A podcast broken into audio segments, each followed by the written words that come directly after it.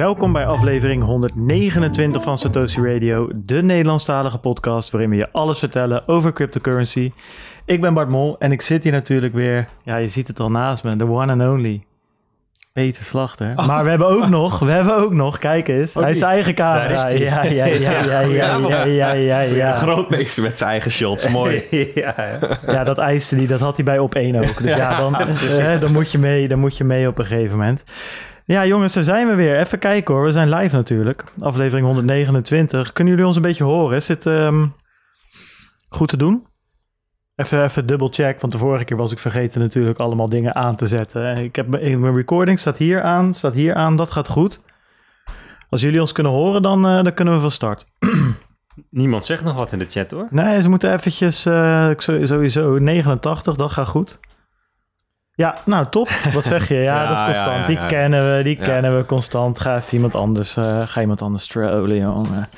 Hey, ehm, let's go dan. Ehm, deze podcast wordt natuurlijk mede mogelijk gemaakt door Bitcoin Meester, Watson Law, Ledger Leopard, Anycoin Direct, Maven 11, Wordproof en Blocks. Eh, alles wat wij vertellen is op persoonlijke titel en moet niet worden gezien als beleggingsadvies.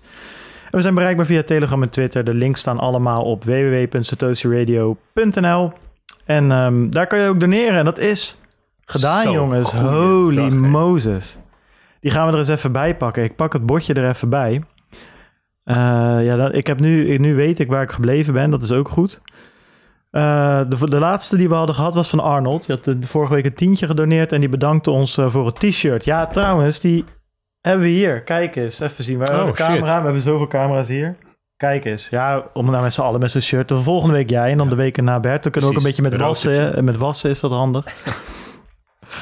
Dus even kijken hoor. De donaties. Ja, het waren er veel. En ehm er beginnen ook, jongens, een beetje... ehm, ja, er, er beginnen bedrijven te adverteren. Er, beginnen, er, er worden grote donaties gedaan om, eh, om alternatieve currencies eh, onder onze aandacht te brengen. Het is... eh, Het is net als bij Bitcoin, heb je de blockspace, die moet je dan kopen. Het begint- En hier wordt het, de donatiespace wordt hier. Het begint een economie te worden. Ja, echt een markt, ja, eh, echt een handel begint het eh, te worden. Dus even kijken hoor.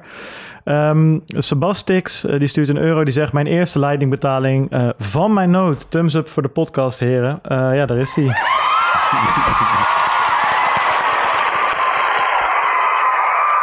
Dan ben je een hele grote, weer eentje. Eh, ik weet niet of ik al een shirt had gestuurd naar je. Ik denk het wel, want ik heb van de week weer een hele badge eruit gestuurd. Zo niet, laat het even weten. Kloek Kloek, 2 euro van de winnaar met de buiten naar de eerste eruit. Ja, ik eh, lag er binnen twee handjes poker uit. Afgelopen keer. Oh, dat is wel een af- ander verhaal, ja.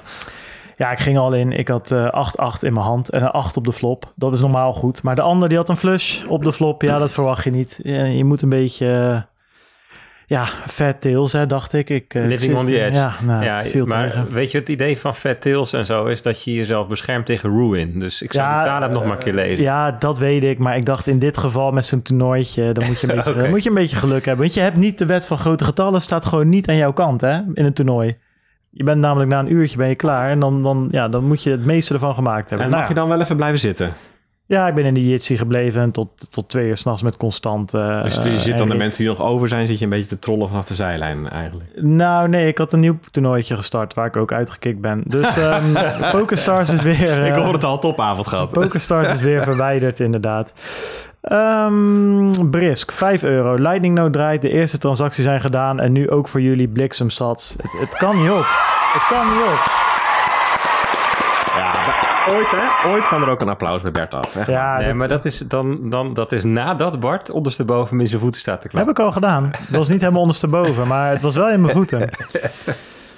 Ehm Mr. X, Mr. X met een Griekse ei. Ja, je verzint het niet. Eh 1 euro. Top podcast. Hierbij een donatie nog niet via mijn eigen Lightning Note, maar die komt eraan.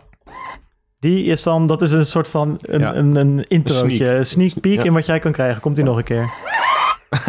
Dit kan volgende week zomaar eens helemaal voor jou zijn. Mr. X die stuurt daarna gewoon nog een euro. Eh, voor Bart de Gifmeister. Nou, thanks. Eh, Rick, 5 eurotjes. Dit gaat hem worden. Ik voel het. Thanks voor alle hulp in de Telegram. Zeker Kloek Kloek. Lightning donatie 1 via de Umbrella Note. Het, het kan niet op deze week, dat er jongens. weer? Holy Moses. Heb je nog wel genoeg shirts? Rick, Rick heeft een, shirt, een shirtje oké. gehad. Eh, ik heb er nog ehm, met jullie eraf. eh, nog eh, her en daar die ik toch wel wil bewaren voor speciale members van nu en dan. Ehm, heb ik er denk ik nog een stuk of vijf. Zo, Ja, het gaat hard. Schaarser dan bitcoins. Zo, inderdaad. Ja, 21 shirts waren shirts dus, ook op, eh, opknippen in nee, 100 miljoen ja. stukjes? ja, ik kan er een stringetje voor je zetten. want- Was je geodriehoek daar wel in? ja. Oh ja, dit zouden we nog doen. Die gaan we zo eens eventjes... eh, dit is wel leuk, hè? Eh, Wouter die stuurt 10 eurotjes. Dan moet ik wel even kijken of dat gaat lukken, hoor, Wouter. Maar die zegt... Allereerst topshow, fan van het eerste uur. Hoe is het nu met Wijnand? Nou ja, dat gaan we hem gewoon live vragen. Ehm, ik heb hem namelijk gisteren nog aan de lijn gehad. Dus we gaan hem gewoon even inbellen. Even kijken hoor, of het gaat lukken. Ja, we, we horen wel iets hier. Dat zou toch wat zijn als we hem live in de, in de live show krijgen. Ik heb het hem nog gezegd dat ik hem ging bellen. Ik zeg tien over acht ongeveer. Eeuw, Bart. Kijk eens wie we daar hebben. Wie bent er live in, Wijnand? We kregen een donatie waarin gevraagd werd ehm, door Wouter hoe het met je gaat. Dus we dachten, we bellen gewoon even. Je, je klapt er even in. Hij laat er geen gras over groeien. Het is ongelooflijk. Ja, we hebben gisteren nog anderhalf uur gebeld, Wijnand en ik. Dus, ja, Normaal gesproken voorspel, hè, uurtje. maar, maar zijn die Peter en Bert er ook aan? ja, hoor je die ook niet? Of hoor je die niet? Jawel, die hoor ik op de achtergrond iets. Ja, ja, die, die zijn er Ja, zeker, ja. Wat dacht je dan? Het lijkt een soort, het lijkt een soort Jensen lachband. Ik hoor. Nou, we zijn net zo knap. ja. En net zo dik. Dus, Ja, eh, precies. Maar ja, dan ben jij de Jan Paparazzi van de show. ja, precies. Maar hoe gaat het nou met je? Dat willen de kijkers toch weten, Wijnand. Ja, het gaat eigenlijk hartstikke goed. Het gaat eigenlijk hartstikke goed, eh, ondanks deze tijden. Dus eh, ik ga een, ik heb mijn baan opgezegd op COVID, denk ik dan. Hè, dus drastische maatregelen gedaan. Dus ik ga per januari ook een andere, iets anders doen met mijn leven, zeg maar. Maar ik hou natuurlijk eh, die all-time high van jou, uh, uh, in de gaten. Dus eh, ik weet niet of uh, Bert zijn knip bij zich heeft om hem door de all-time high heen te pushen. Of, eh, Ja, ik denk dat Bert straks nog wel een paar euro... Die, die hoor ik weinig. Die wilde ook niet klappen voor de donaties. Dus die zit te investeren, denk ik. Ik heb toch het gevoel dat het een beetje een strijd tussen Wijnand en Bert is dit. Hij zit er te drukken. ja, ja, ja. Nee, maar het gaat eigenlijk hartstikke goed, joh. Weet je, het is, het is, eh, het is best wel lastig om... Ik weet eigenlijk niet eens meer de exacte datum natuurlijk dat ik nu eh, gestopt was ermee. Maar zeker in het begin weet ik nog wel dat het echt wennen was. Want je hebt natuurlijk echt wel die, eh nou, die wekelijks, wekelijks eh, nou ja, samenkomst van ons natuurlijk. Hè? Vanaf, vanaf day one om dat elke keer te, op te zetten. Ja. Dus in het begin had ik wel echt een soort... Ja, een soort leegte of zo. Van hè, de vrije donderdag, wat gek. Ja, dus ja, dan ga je een beetje sporten, dan ga je een beetje, een beetje gamen, wat andere dingen doen. Maar dat, eh, dat heeft er best wel lang in gezeten eigenlijk. Dat had ik eigenlijk niet verwacht. Ik denk, nou ja, we hadden er een poos over gehad natuurlijk. Hè, dat ik het natuurlijk zou, eh, ja, zou gaan stoppen op een gegeven moment. Maar als je dan op een gegeven moment die microfoon niet meer hoeft in te pluggen. Ook al is het digitaal op een gegeven moment. Dat is toch wel, eh, toch wel vreemd. Even afkicken dan, hè? Ja, maar dat had ik niet verwacht. Ik dacht, nou ja, dat, dat, ja, dat schaap je even om en leuk. En je luistert mee en je kijkt mee, weet je wel. Dat is hartstikke leuk. Maar eh, nee, dat, was, toch- maar dat is nu op een gegeven moment slijt dat er wel uit. Dus nu zeker, is vind ik hartstikke leuk. En ik moet zeggen, ik zeg tegen jou altijd, dat ik zeg, super fan ben van die timestamps. op YouTube, want dan kan ik natuurlijk, ja, als, als Bert dan eh, bezig is, dan kijk ik natuurlijk wel. Maar als Peter er is, ja, dan kan ik mooi skippen. dus mijn, mijn verzoek is dan ook aan deze, om in die, in die show notes wel weer de namen erbij te zetten. Ja, precies. Lekker, lekker. Hey, maar ik vind het, Ja, ja. het is echt, eh, ik vind echt dat jullie ook lekker bezig zijn. Dus ik, vind, ik luister af en toe, ik luister, moet ik zeggen, niet elke uitzending. Ik denk, ja, god, al die drie, vier uren, dus eh, niet vol te houden op een gegeven moment. Oh, ik heb je zo gemist. maar het is wel een goede tip dat we even overal Bert bij moeten zetten. ja. Maar hoe is hij daar dan? Ja, het gaat prima. We zitten, we zitten er live in en eh, het, voor- het gaat allemaal goed. Voor- Bij ons was het eigenlijk heel anders. Wij eh, genoten er eigenlijk gelijk van toen je weg was. Ja, dat scheelt aanzienlijk ja, als je bij Lutje zit te knagen. Maar wat staat er allemaal op de show vandaag dan? Nou, wat we vandaag allemaal op de rol hebben, ja, eh, eh, de bear market die eh, officieel begonnen is. De Bear is. Run, hè? ja, en eh, we, hebben, we hebben de FATF-regels, negatieve rentes, we hebben een, een- ook nog een bullish segment. Er komt van alles aan. Blijf luisteren, zou ik zeggen. Schakel in. Ja, ik, ik, ga, ik heb net mijn lasagne op, dus ik, kan, ik ben ready om even de YouTube aan te zetten. zeg. Maar we hebben een vraagje nog van Johnny Rap. Wanneer, eh. Ja, wanneer Wijnand weer in de show? Ja, ik denk dat we een, kleine, een klein tipje van de sluier wel op kunnen lichten. Dat gaat dit jaar nog gebeuren. Oeh. Ja, maar je weet de voorwaarden, hè? Wat dan? Vijf bitcoins. Nou, dat hebben we, dat hebben we kunnen regelen. Oh, ja. Maar wel zwart. Wel zwart. Dus buiten, buiten die exchanges om. ja, precies. Buiten die KYC-exchange. Als, jij- Ja, als, jij zo, als jij zorgt voor een lekkere schaal frikandellen, dan zit ik er gewoon met eh, de jaarafsluiting helemaal bij. ja, oliebollen en- wordt en- het dan, denk ik. Ja, eh, eh, oliebollen ook goed. En, en, en, en alsjeblieft iets anders dan die 0.0. Ja, wij moeten Ja, nog- dat is goed. Jij krijgt witte wijn. Precies. Jij, jij krijgt wat lekkers. Maar ik heb, mijn, eh, ja, ik heb nog steeds mijn predictie. Hè? Dus met deze bear market eh, gaat dat wel uitkomen, denk ik. Jij zit op 9000. Ik denk dat ik er op dit moment het dichtste bij zit met 13,5 Ah, of ik, zo. ik ben eh, verschrikkelijk zuur. Ik zag, ik zag mijn voorspelling mooi uitkomen. Ja, dat ging perfect. Mm. Nou ja, goed. ehm, maar ja, jij bent er dus bij, Wijnand. Dat zal de Ja. volgende live show zijn. De 30ste december, jongens, gaat het worden. Zet hem alvast in de agenda. Oliebollen erbij, op het vuur. Vuurwerk. Bert, Bert neemt zijn illegale vuurwerk mee. Cobra 12 in de studio. Ja, Carbit schiet hier binnen. Precies. Dat kan allemaal. En dan gaan we je dan zien, Wijnand. Dus eh, Ja, ik, ik heb Top. er zin in. Ik ben Ja. benieuwd of, eh, hoe, het, hoe het weer is om er te zijn. Ik hoop dat het eh, lekker warm is. ja, ik zal de microfoon goed invetten voor je. Dus dat, eh, dat Nou ja, als je maar op tafel laat staan. Dan. is goed, jongens. Spreken we jou volgende maand. Hey, succes! Yo, yo, Yo, later. Yo, yo, yo. Ik voel me net een radio-dj Ja, op joh. deze manier. Geniaal, joh. Applausje voor jezelf. Allemaal thuis ook even meeklappen. En natuurlijk applausje voor Wijnand, hè, de, de co-founder van deze... Ah, van Mars- deze- Marcel Mink die zet alvast de sfeer even op scherp. Wat Leuk. zegt Marcel? Op naar de CME gap op 9600 Ah, dollar. joh, Marcel, houd toch op, man. Het kan er wel de Lightning King zijn, maar... Ja, ik Ja. denk dat die titel een beetje naar zijn hoofd gestegen is, eh, Bart. Ja, hij zegt ook wel veel nuttige dingen, hoor. Maar hij moet nou niet bearish gaan lopen doen. Maar eh, Wouter, die had 10 euro gedoneerd. Nou, Wouter, we hebben Wijnand voor je ingebeld. Dus je, eh, de rest van je vraag over COVID slaan we over. Want ehm, van COVID komt huilen, Sowieso een allemaal hoogst, altijd. toch? Dus, Ja, nee, nee maar ik ga, we gaan er niet eens over beginnen. Het is alleen maar gezeik en gezemel. En iedereen loopt alleen maar te zeiken op elkaar met COVID. dus dat doen we niet. We gaan naar de volgende. Kiks, een euro. Mijn eerste donatie van de Zeus-app en mijn eigen noot. We gaan gewoon direct weer door. Nummer 4. Ik ben gewoon eelt in mijn handen, joh. Niet te geloven, joh. Goed hoor. Wij maar klap. Ik voel me net Beatrix, man. Op de Koninginnedag. Eh, hebben jullie plannen nagedacht over omgekeerde DCA-periodiek winst nemen? Nou, daar was ik over na aan het denken totdat de koers vandaag in elkaar klapte. En ehm, toen dacht ik van, nou ja, weet je, we zien het. Ik, ik heb wel mijn plannetjes, maar ik heb wel eh, gewoon een groot gedeelte van wat ik heb is gewoon echt wel pensioen. Zo kijk ik er wel naar inmiddels. Ja, mooi. Dus eh, nou, dat eh kiks voor jou. KVO, eh 2 euro. Even geen vraag, alleen een beetje support. Nou, daar worden we altijd blij van. Thanks. Marcel Mink, 5 euro. Ik verheug me alvast op de live shows. Wordt vast weer een volle bak. Informatief en entertainment. Ja, je hebt het al gezien, Marcel. We zijn nog geen 10 minuten bezig. Nou ja, nog geen kwartier. En we hebben de eerste beller al gehad, een co-founder. En het, het blijft maar gaan, dus je ziet het. En Marcel Mink stuurt nog een keer 5 euro om te zeggen echt niet. En dat was voor mij een reactie op Tom of zo. Ik weet het niet meer. Maar Marcel die communiceert. Dat is zo'n will. Die communiceert met donaties in de chat. Ja. je verzint het niet. Je verzint het niet. Eh, Ralf, 5 euro. Hey kerels, vlak voor de live show nog even een donatie. Ben benieuwd naar ETH 2.0. Wat zal het met Ethereum Classic doen als het mijnen van Ethereum eh, niet meer kan? Dat is een interessante. Kun jij die er even bijschrijven bij het Zeker, eh, Ethereum eh, stukje wat we nog hebben staan? Eh Barnt die zegt, ja, godsie, Mick heeft Barnt. 50 euro. Zo, Ja. halleluja.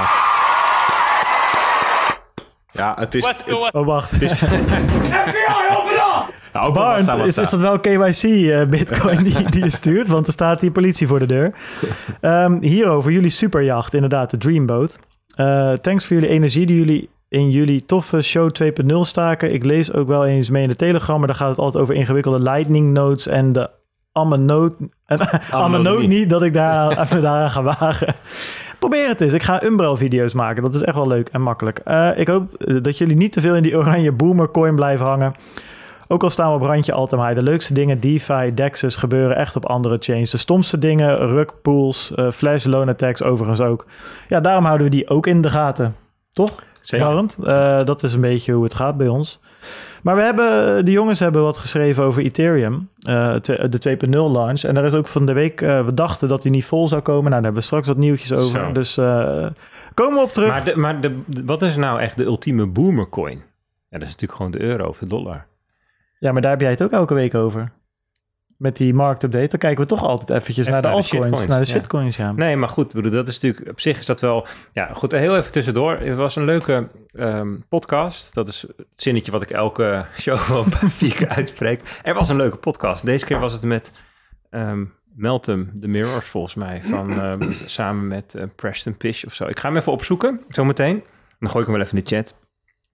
En dat ging over dat Bitcoin ehm, ook iets te maken heeft met die nieuwe generatie van ehm, mensen die, eh, die de digitale en, en internet snappen en echt doorleven.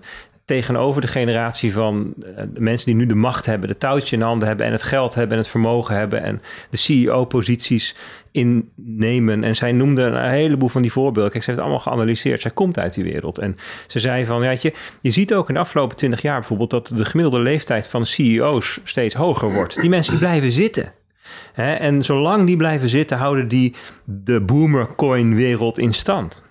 En dat, is hun, en dat is logisch, dat is hun incentive om het in stand te houden, om het te laten voortbestaan. En ja, daar, daar knaagt, knabbelt een heel klein beetje Bitcoin nu zo heel klein beetje en af en toe een klein hoekje uit. Want het is natuurlijk heel klein in vergelijking met de boomercoin-wereld.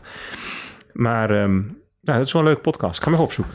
Ah, misschien zijn eh, al die, die, die tokens, die security tokens, nog wel de grootste boomercoins. Security aandelen. Ja, Bedoel je? bedoel, die, die, die, die gaan iets uit die wereld tokenizen om ze dan vervolgens... Ja, is- maar goed, ja, dat terzijde. Nou, dus eh eh, eh, Bar en Tank, ja, super bedankt voor je donatie natuurlijk, dat ten eerste. En eh, al deze dingen komen terug. Ik bedoel, we hebben het vaak zat over die flashloan attacks gehad. Die hebben we helemaal tot in detail eh, lopen analyseren, een paar afleveringen. terug. 312.000 sats, is dat een all-time high? Poeh, zou zomaar kunnen. Gaan we eens opzoeken, gaan we eens achteraan. Eh, als ik met Jorijn weer eens een keertje aan de development ga, dan komt Ah, er ook nee. iets van een, hebben een, toch nog een een- all-time high te pakken. een ranglijstje. ja, precies. Arnold, 5 eurotjes. Verheug me weer op de komende uitzending. Nou, Arnold, ik hoop dat je erbij zit. Laat het weten in de chat. als je er bent. Eh, ja, stacking. Leon. Wij moeten toch eens een keer gaan praten met Pak elkaar. even de stacking brochure erbij. Hey, je kan of sponsor worden, Ja, of... nou, ja, 21 euro. Nee, iedereen weet, we vinden stacking fantastisch. En ik lees het graag voor. Maar dit ga ik niet helemaal oplezen. Ik ga het even in kort, kort en bondig. Hi boys, veel plezier met de live show. De Bitcoin standaard is bijna leefbaar en het idea- ideale cadeau voor onder de kerstboom. Dat is waar, dat is leuk. Eh, dat vind ik gaaf. De Bitcoin standaard is vertaald in het Nederlands en komt bijna uit. Eh, dus die kan je kopen. Ehm, nou ja, we, hebben een stacking.com reflink, stacking.com slash Satoshi Radio. En eh, nou, daar kan je dus dat boek mee kopen bij Consensus Network. Nou, ga maar eens kijken. En er zijn ook nog allemaal Black eh, Friday aanbiedingen. Ga gewoon naar stacking.com en gun jezelf en Leon en de shops en iedereen wat zat. Ja, Keep mooi. on stacking. Mooi gezegd. Mark, 1 euro, daar is hij. En hij heeft gewoon weer een reactietje. Mark, man, een pak van mijn hart dat je gewoon weer eens een keertje Hij leeft wat nog. zegt. hè, inderdaad. Mooie aflevering weer. En Bart, jongen, bedankt voor het t-shirt. Lachen, man. Geen enkel probleem. Eh, Mark, die heb je verdiend. Want ja, hij is... Als er één trouwe donateur is... Door dik en dun, door pandemie of niet... dan is het onze Markie wel. En daarvoor verdien jij natuurlijk ook gewoon een applaus. Wat mij betreft een dubbel applaus. Want dit was gewoon een donatie voor 7 uur 's ochtends, hè? Ja. ja, Marcel die, eh, die eh, kwam eh, om, eh, of eh, Mark die kwam binnen om eh, half zeven 's ochtends. Ja, beter dan de FBI. Kloek, kloek, 2 euro. Bert als lijsttrekker voor de Bitcoin-partij. Ik ben voor. Ja, we zijn er dus nog niet helemaal uit of eh, eh, hoe we dat gaan eh, doen. En daar komen we misschien vandaag Nee, uit. bovendien, hij is gevraagd voor de FVD, dus... Precies.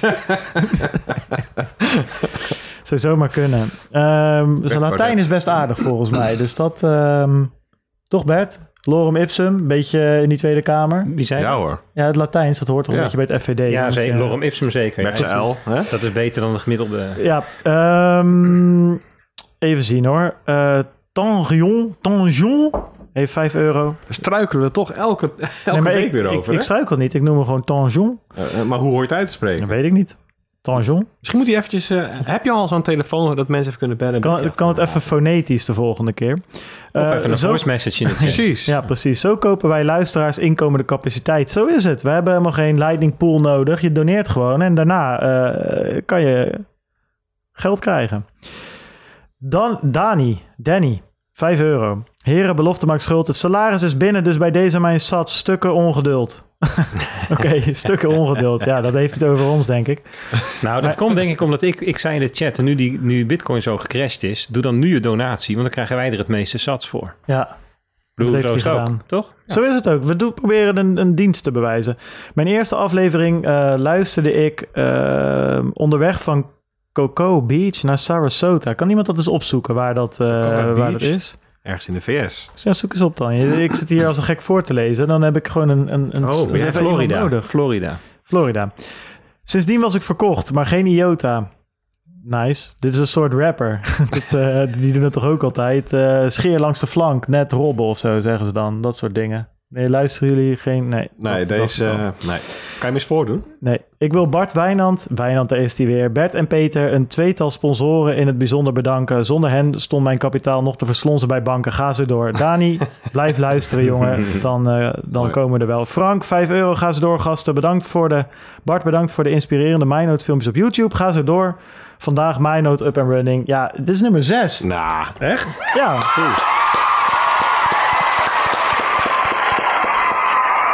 Welke van de 80 camera's moet ik eigenlijk inkijken? Die. Oké, waarom kijken we dan? Gewoon. Het is met het rode lampje. Het is een Oh, tv. die. Bert, als Bert nou gewoon eens even zijn ervaring deelt en zegt rode lampje, die staat aan. Oh, nou, dat doet hij dan weer niet. Ja, dit valt me nou echt pas op. Ja. Het is Oh. echt waar.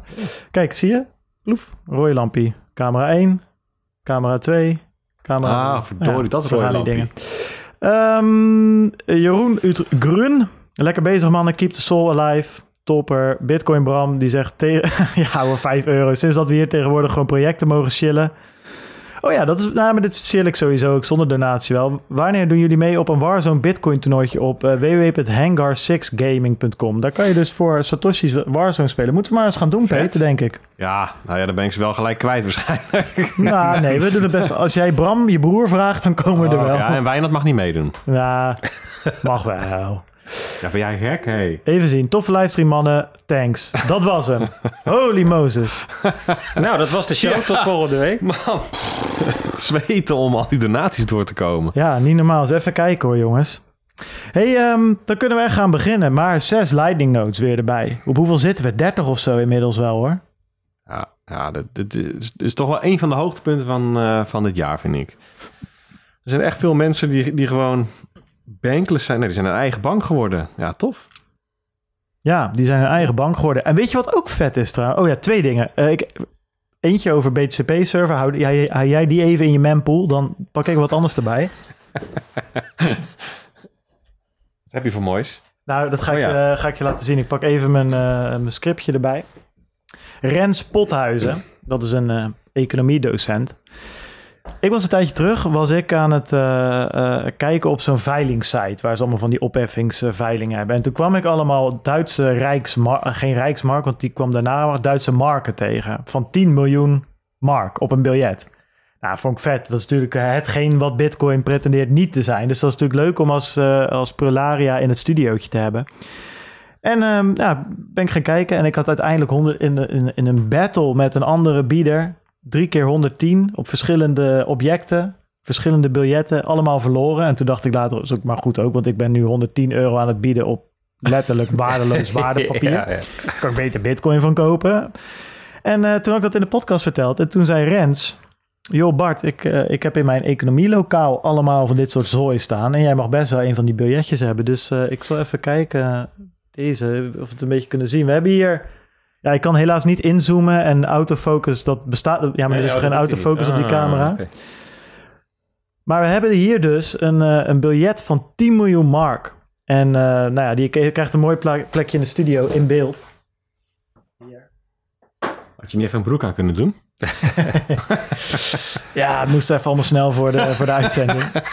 Maar goed, Ren, super bedankt daarvoor. Hij staat, eh, nou ja, zoals je ziet, mooi in beeld. Misschien fix ik nog wel even iets van een ledje of zo erop. Maar eh, dat, dat, ja, Dat is heel vet. heel vet. We, we hadden natuurlijk al de, de whitepaper op plexiglas, wat, wat natuurlijk ook gestoord vet was. Ja, Ja, nu dit erbij. Dat Jouw is, nieuwe eh, noot ziet er tof uit. Het is wel weer mooi opgeknapt. Het, het gaat als een gek Ja. hier. Het is ongekend. Dus dat is heel vet. Wat had jij nog in je mempool zitten? BTCP-server. Oh, beda- bedankt dat, dat jij het nog in mijn mempool had zitten. Ehm, dat was ook heel gaaf. Ik kreeg een tijdje terug een eh, tip van een luisteraar. En eh, eh, F Griekse IP, VIP was dat. Volgens mij moet ik heel even... ja, VIP. Die zei van, joh, als je naar deze en deze link gaat... en daar, hij had een beetje zitten, zitten, zitten zoeken... en als je daar je store ID invult... dan krijg je dus gewoon een, een uitdraai van al onze donaties.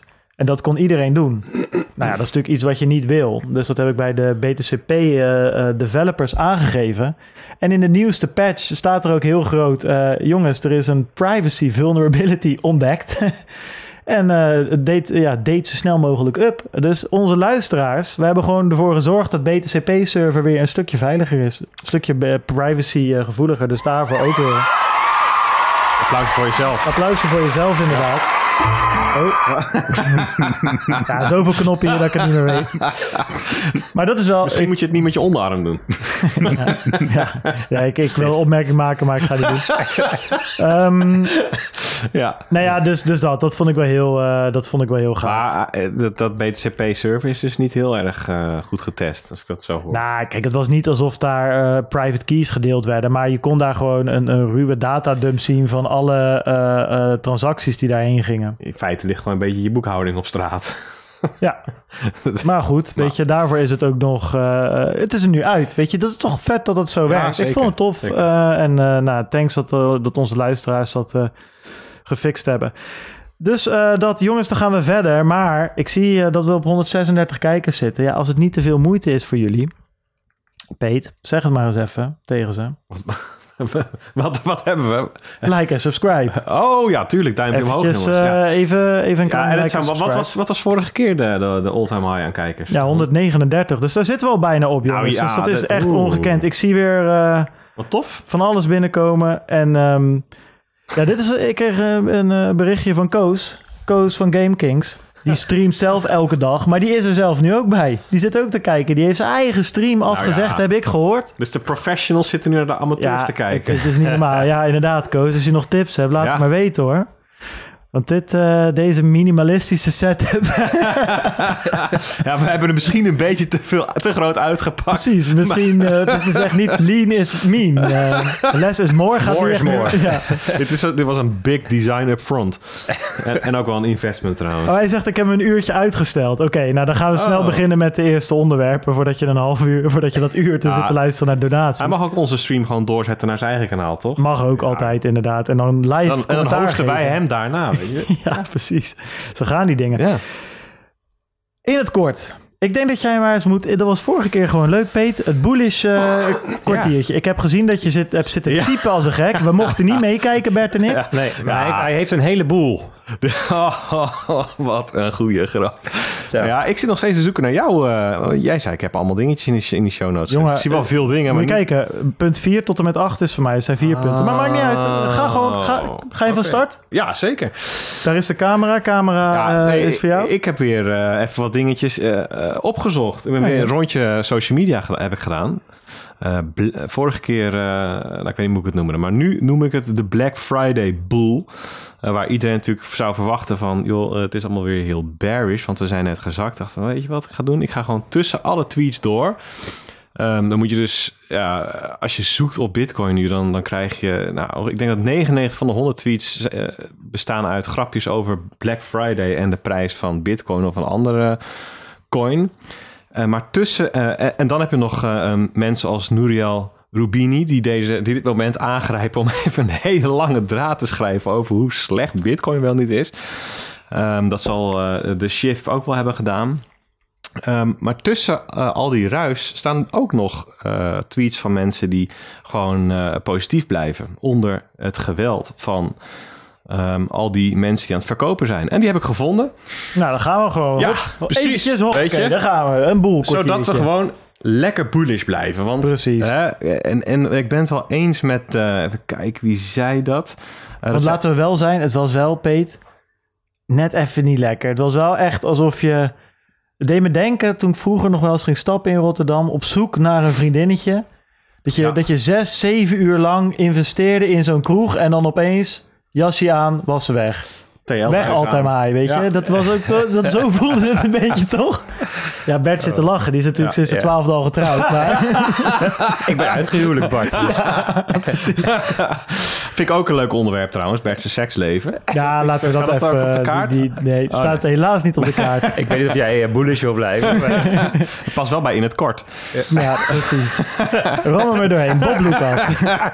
ik, haal die, ik, ik heb dit weer veroorzaakt. Oh, oh. Nee, maar ik, ik, zat met, eh, ik zat even met Balder te praten. Balder Bomans van, eh van Maven 11, een van onze sponsoren. En eh, daar zei ik ook tegen van, van ja, het, het went eigenlijk nooit. hè Zo'n dip van, zo- als bitcoin op één dag 2000 dollar daalt, dat is toch altijd weer eventjes Balen. even balen. Even schrikken, maar dan heb je gewoon altijd weer die mensen die eruit halen. Zoals Alex Kruger, die noemt deze prijsdaling ruis in de context van de onderliggende trend. Eh, de wat hij benoemt als bullish macrofactors eh, zijn niet veranderd volgens hem. Toegenomen deelname van institutionele beleggers, geldcreatie door centrale banken, de zoektocht van beleggers naar opbrengsten en manieren om vermogen te beschermen. Uh, hij merkt ook op dat het sentiment onder holders nog sterk is. Onverminderd sterk. Er staan, uh, hij, hij, refereert aan uh, gegevens van Glassnode. Um, op dit moment 2,3 miljoen bitcoins op exchanges. En dat is het laagste aantal sinds augustus 2018. En daar is ook weinig in veranderd. Dus hij zegt eigenlijk is er niet zoveel veranderd. Ja, de prijs doet even pijn. Maar jongens, uh, hou je blik naar Hou boven je bek, toe. zou Rutte zeggen. ja. Hou je bek, doe normaal. Nee, maar uh, uh, uh, er is niks veranderd. Dus um, het sentiment is dan even gekeerd, maar um, geen reden voor paniek. Um, Bob Lucas, dat is een marktanalist, die herinnert mensen aan de bullrun van 2017. Uh, voor de mensen die daarbij waren, is misschien um, nog is even graven misschien. Uh, maar toen, dat jaar, steeg Bitcoin van 1000 naar 20.000 dollar. Uh, dus die is, die toen dus 20 keer over de kop gegaan. Um, ja, dat is echt bizar. Herinner jij dat nog? Herinner ik me zeker wel, ja. Maar ik, ik, ik, 2017 heb je het over. Ja, toch? ik, maar Ja. ik las dat ik dacht van, jee, maar was het echt van 1000? Nou, Nou, wat- eigenlijk zelfs 970 of zo. Nee, wat, wat wel grappig is, eh, nou dat heb ik niet meegemaakt, omdat je eerst een soort van mini bullrun had over die all-time high heen. En toen kwam het weer op tweakers en zo. En toen weet ik nog wel, zijn, ben ik met Wijnand, zei, oké, nu moeten we hier echt wat mee gaan doen. En dat was in juni 2017 pak een beet. Maar wat, waar ik me wel op verkeken heb, en daar kom ik een tijdje terug achter, is, nou, ik heb het er wel eens in, in een van mijn eigen video's over gehad, hoe je herinneringen, de, de, de, de Invisible Gorilla, dit is de Illusion of Memory, dat je eigenlijk gewoon maar een beetje verhalen maakt van de flarden aan herinneringen die je nog hebt. En mijn verhaal was wel dat, dat die bullrun wel echt langer duurde. Maar nu merk je weer, we hebben maar een halve dag boven die 19.000 gestaan en twee dagen boven die 18.000. Zo, dat is Ja. heel weinig. Dus dat eh, dus- is wel vervormd bij mij. Maar ik weet het nog, ik kan me nog goed herinneren. Dat is heel snel gegaan, ja. Nou ja, en, en ehm, nou, bij mij was het dus al best wel weggezakt eigenlijk. Ik zie dat jij ook wat... eh, Ja, ja, dit is een leuk momentje. Dat kan wel even tussendoor. Je kunt denk ik, misschien kun jij eh, mijn scherm nog even er- erin gooien. Die heb ik al aangesloten. ik zie het, Ja, dat is Kijk. mo- wacht even hoor, voordat we weer de echo van de dood herintroduceren. Oh nee. Eh, ja, we gaan het gewoon doen en dan, dan zien we wel hoe of wat.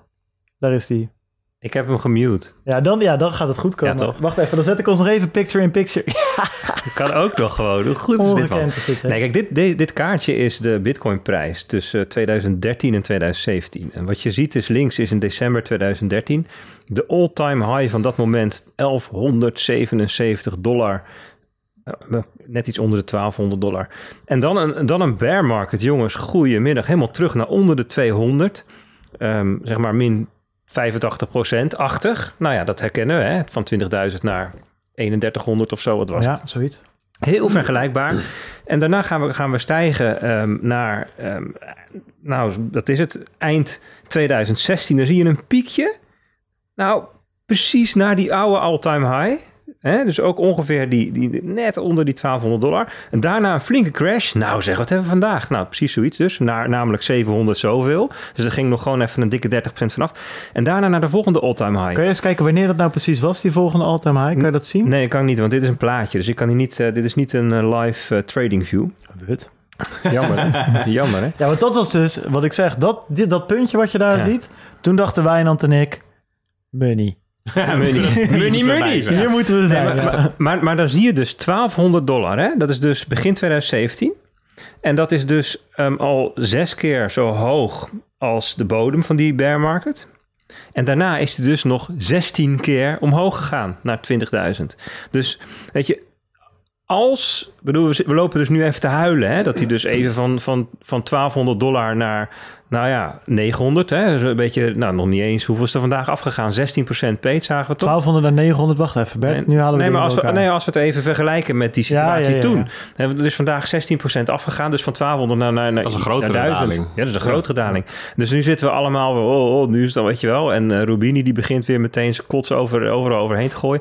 Maar misschien is dit dat ene momentje vlak voordat je keer 16 gaat. 20.000 keer 16 is 320.000. Komt aardig in de buurt. Dat is die bullish. Dat is Ja. dat bullish nieuws dat we willen horen. Nee, maar dat komt aardig in de beurt van de Citibank, hè? Die eh 388.000. eh, Ja, precies. Ja, maar goed, deze wilde ik even tussendoor. eh, ik vond het een heel geschikt moment voor bepaal- bepaalde soundbites. Dus welke, ja, dan moet je me even helpen. Ik zit hier met, met, met een controlepaneel Oh nee, ik denk, je gooit je onderarm er weer op. Eh, goed, we gaan verder. Ja, waar was ik, hé? Oh ja, ik was bij Bob Lucas. Oh, Ja, ja, dus ja, ik was dus wel vergeten dat het, dat het ehm, zelfs onder de vier cijfers was. eh, in 2017 nog. En helemaal naar boven toe steeg. Eh, en die Lucas, die Bob, die ehm, herinnerde mij daaraan van... joh, onderweg naar die 20k daalde de koers ook drie keer in relatief korte tijd... tussen de 20 en 30 procent naar beneden. It's never a one-way street, zegt hij. Nou, waarvan akte. Eh, Michael Saylor, hebben we hem weer. Daar is hij, mijn held. Ja, ja. Ik Die, heb altijd al gezegd wat voor topper dat is. ja, ja, ja, weet je koopt en ook alles bij de Zeeman tegenwoordig. Ja, precies. om de rest in bitcoin te kunnen steken, denk ik dan. Maar eh, nou, ik vind dat wel mooi, weet je. Dan heb je pijn en dan staat Michael er voor je. Weet je, en die heeft dan wat goede berichten. Eh, als messias van de Bitcoin-wereld. Die steekt iedereen hard onder de riem. Die zegt: Al mijn beste investeringen waren in netwerken die iedereen nodig had. Die door niemand gestopt konden worden en die door maar enkele begrepen worden, werden. Eh, Bitcoin is de monetary network, eh, voegt hij eraan toe. Waarbij hij eigenlijk aangeeft: van nou ja, weet je. waarschijnlijk wordt dit weer een van mijn beste investeringen. En is dit weer een van, zo'n, een van die netwerken die niet gestopt konden worden. Dus maak je geen zorgen. Eh, voor de mensen die eh, eh, Michaels normale verhaal prettig vinden om aan te horen, die gaat eigenlijk altijd over Bitcoin als werelds beste harde reserve asset, dus de safe, sa- safe haven versie 2.0. Eh, die kunnen ook opgelucht ademhalen, want hij was gisteren te horen in ehm, Fast Money van CNBC.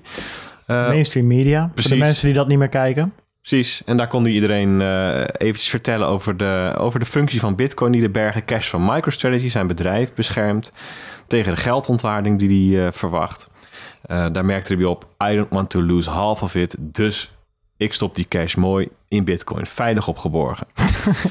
hey, Al mijn 500 miljoen. Ja. hij, Ja. heeft- hij is, Ja, inmiddels ja, is dat Kijk, het is- bijna een miljard. het is klein geld, maar leuk. Hè? Maar dat vroeg die, dat vroeg die eh, dame ook hè, van CNBC. Die zei van, ehm, Ja, daar ja, ben je nou eigenlijk een hedge fund of ben je nog een softwarebedrijf? Ja, ja, als Oh. het zo doorgaat, is die een hedge fund. Maar ja, dan is die ook zo stanky rich dat dat ook prima is. Toch? Dan, ja, dan koop je wel een softwarebedrijf erbij. Nog extra. Ja, whatever. Hij zegt mijn P&L, mijn eh, resultaatrekening is eh, softwarebedrijf en mijn balans, dat is hedge fund. Ja, totdat je rendementen gaat maken waar we het net over hebben. Als we keer 16 gaan, Bert, dan is die PNL zit niet vol met software-inkomsten natuurlijk. Dan is dat gewoon. eh, Hey, ik, ik lees dat, dat Ron, Ron van Voort, eh, die zegt als nieuwkomer sinds december 2019 heb ik gehoord dat dips als vandaag normaal zijn voor bitcoin. Dus bijkopen dan maar. Zo is het rond bij de dip, jongen. Precies. Ron, ik, ehm, ik heb, eh, wat dat betreft kan ik je geruststellen, dit is ook normaal voor zilver en goud en de meeste aandelen. Ik bedoel, Tesla, kijk eens even naar die grafiek. Daar is bitcoin glad bij. Ja, maar. Tesla, dan pak je wel het meest gestoord volatiele aandeel van de afgelopen... Deze... Ja, maar waar is, waar is Rubini dan, hè? Waar is die dan? Ga nou even door met het goed. lijstje. We zitten al op drie kwartier. We hebben nog zoveel leuke dingen vandaag. Sorry, sorry pap. Ja, voor, voor iemand die het vaak over invisible gorillas hebt, vind ik dat jij wel een hele zichtbare bent. Ja. Ehm, We gaan het eh, even, we gaan door naar ehm eh, Adi Paul. Die plaatst even een kanttekening bij het instorten van de koers. Die zegt de zwakte van de markt, eh, die wordt uitvergroot vanwege Thanksgiving. Ehm, want hij noemt een aantal redenen. De liquiditeit die is verlaagd eh, tegen het opdrogen aan. De fiat on-ramps, dus de plekken waar je nieuw geld kan, naar binnen kan sluizen, die zijn gesloten. Alle market makers die zijn uit hun donkere grot gekropen en eh, op weg gegaan naar een familiediner. Uh, allerlei algoritmes en robots die, uh, die het werk doen voor, uh, voor mensen met diepe zakken, die zijn uitgeschakeld. nou ja, en dat verzacht de redenering. deze redenering verzacht dat pijnlijke rood van deze koers weer een beetje. Um, ik zag ook Jameson Lop langskomen. Um, die uh, wist er een cringy tweet uit te persen. Die zegt: Every moon launch requires a few orbits before departing the current gravity well. Zo is het, Jameson. Hop, naar de volgende. Ja, het is bijna net zo goed als een exchange-lancering, laten we maar zeggen. Ja. Nou, hij, hij, bevindt zich in goed gezelschap. Tyler Winklevoss Vos, Vos, Vos was niet veel beter. Uh, die zei: Bitcoin is getting ready to cross the chasm. Goed, we gaan door naar uh, Zero Hedge. Die, uh, ah, ja, dat is ook altijd een bet dat, betrouwbare bron. Dat is, dat is, inmiddels ook mainstream media volgens mij. Er hoorden zoveel mensen over. Ja, ja, ja, ja. Die waren trouwens een tijdje weg op Twitter. Maar goed, die zijn kennelijk weer terug. Uh, al een tijdje trouwens. En die meldt iets over Deutsche Bank.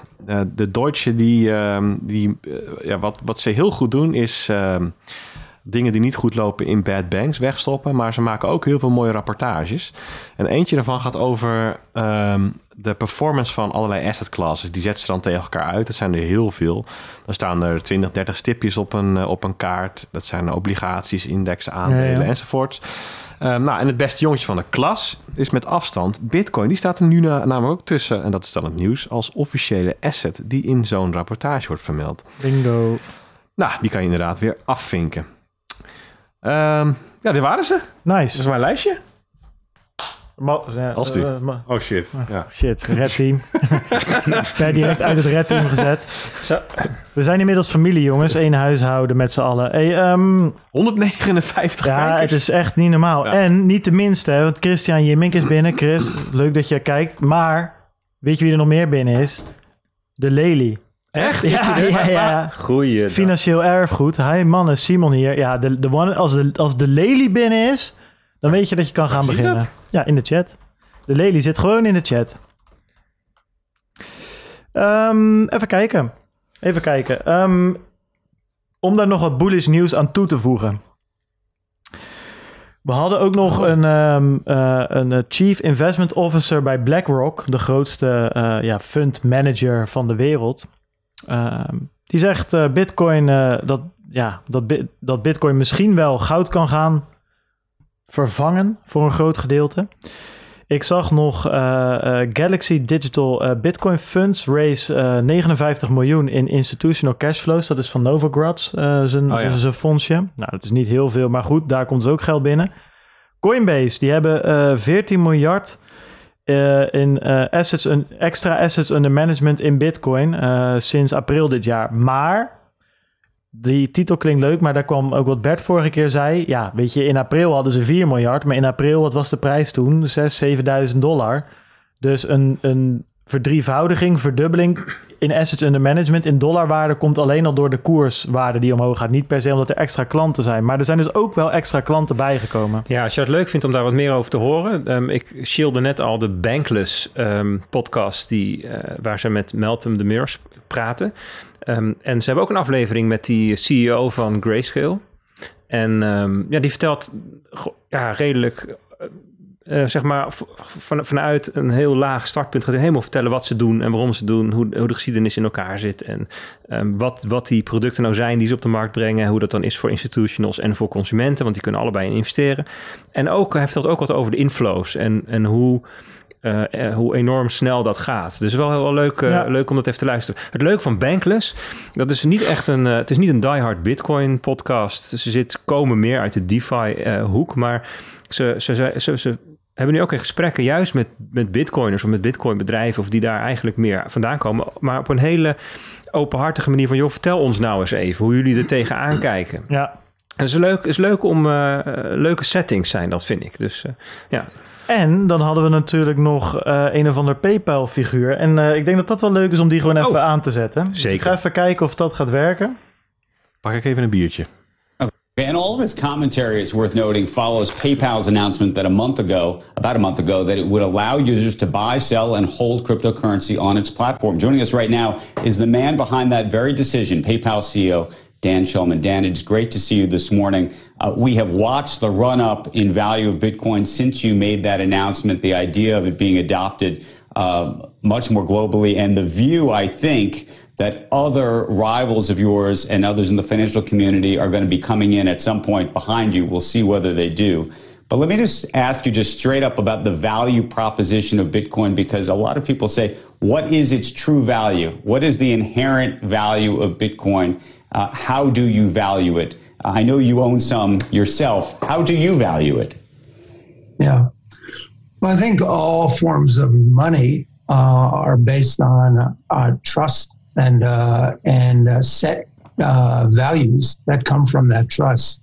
I think if you take a step back, Andrew, um, especially with the pandemic, you've seen the use of cash decline precipitously. Something like 40 to 70% of consumers no longer want to handle cash.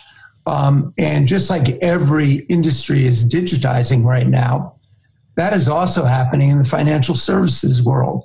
Um, there is no question that people are flocking to digital payments and digital forms of currency. And one of the things that we looked at, and we talked to regulators around the world, central banks around the world, um, and it became clear to me that it's a matter of, you know, uh, not if, but when and how you'll start to see more and more central banks issue forms of digital currencies. And I think you'll have more and more utility happen with cryptocurrencies. One of the things that we allowed um, is not just making it easy to buy, sell, and hold cryptocurrencies, but very importantly, early next year, we're going to allow cryptocurrencies to be a funding source. Ja, en, en, en dit is niet zoals vier. Dit is misschien wel het verschil tussen uh, nu en vier jaar terug. Dit is niet zoals vier jaar terug dat uh, Pomp over zijn eigen Bitcoin-fonds zegt dat Bitcoin de toekomst is. Of dat uh, Jameson Lop zegt dat Bitcoin de toekomst is. Of dat, of dat Vitalik zegt dat, dat Ethereum de toekomst is. Dit is de CEO van PayPal die zegt dat ze per whatever januari volgend jaar dat iedereen op heel de wereld kan gaan betalen met Bitcoins. Met Bitcoin. Weet je, dat, dit is wel. het wordt wel serieus genomen. Het zijn nu wel echt de, de, de serieuze partijen die hiermee aan de slag gaan. Nou dat uh, vond ik een mooie toevoeging aan het bullish uh, rondje, denk ik. Ja, zeker weten. De, deze spreker net was wel in de categorie slaapverwekkend trouwens. Ja, maar, dan weet je ook eens hoe het voelt uh, voor Ja, anderen. zo is het ook. Dan word je wel weer even met de neus op de feiten gedrukt. Ja, dat was, uh, ik denk dat hij ook wel van een klein sigaretje houdt. Ja, volgens mij ook, ja. Het is wel goed um, voor zijn radiostem. Maar ik vond nog wel even leuk om even wat te zeggen over BlackRock trouwens. Jij triggerde mij. BlackRock, BlackRock, die naam heb ik vaak gehoord. Nou, dat klopt. Ik heb er wel eens wat over geschreven. Maar dat is echt een gigantische toko. En ik, ik dacht, nou, misschien realiseert niet iedereen zich dat. Ik denk, even wat, uh, wat over zeggen. Maar dat is werelds grootste onafhankelijke vermogensbeheerder... met ook een kantoor in Nederland.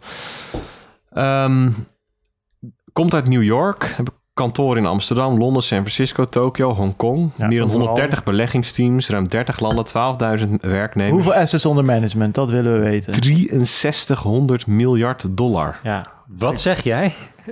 6,3 trillion. Ja. maar dat, dat was op 16 juli 2018, hè? zo lang geleden heb ik daarover geschreven. Dus het is waarschijnlijk nog meer nu. Nee, dit is een van de grootste, denk ik, financials in de wereld. En dus de CIO of Fixed Income, Rick Reader heet hij, die, die was dus bij CNBC. En die zei dus daar um, dat hij het wel voor zich ziet dat Bitcoin goud gaat vervangen.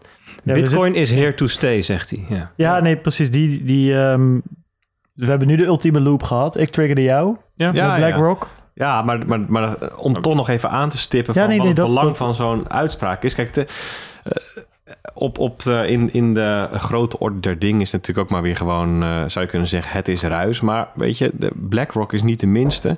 En um, ja, als, als, als de CIO van BlackRock zegt, I think cryptocurrency is here to stay. Ja, CIO van Fixed durable. Income van BlackRock. Ja, dus dit is, en hij zei ook klopt. nog dat hij het in geen enkel portfolio, zakelijk portfolio nee, had. Klopt, dus het is een beetje... Nee, maar het gaat erom dat ze niet meer gillend weglopen en eens. het niet meer uitlachen. Nee, Kijk, eens. hetzelfde als met Citibank, hè, die hadden we vorige week denk ik. Die vond men, vond, dat was ook maar een een uh, managing director ergens bij Citibank. Ja, Citibank is ook. Dat was op het moment van de fusie in 2008, 7 ja. was het de grootste financiële instelling ter wereld, Citibank.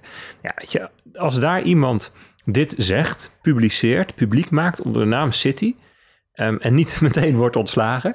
ja, dan, is daar, dan, dan waait daar een andere wind. Dan is er een andere verha- eh, verhouding of een andere...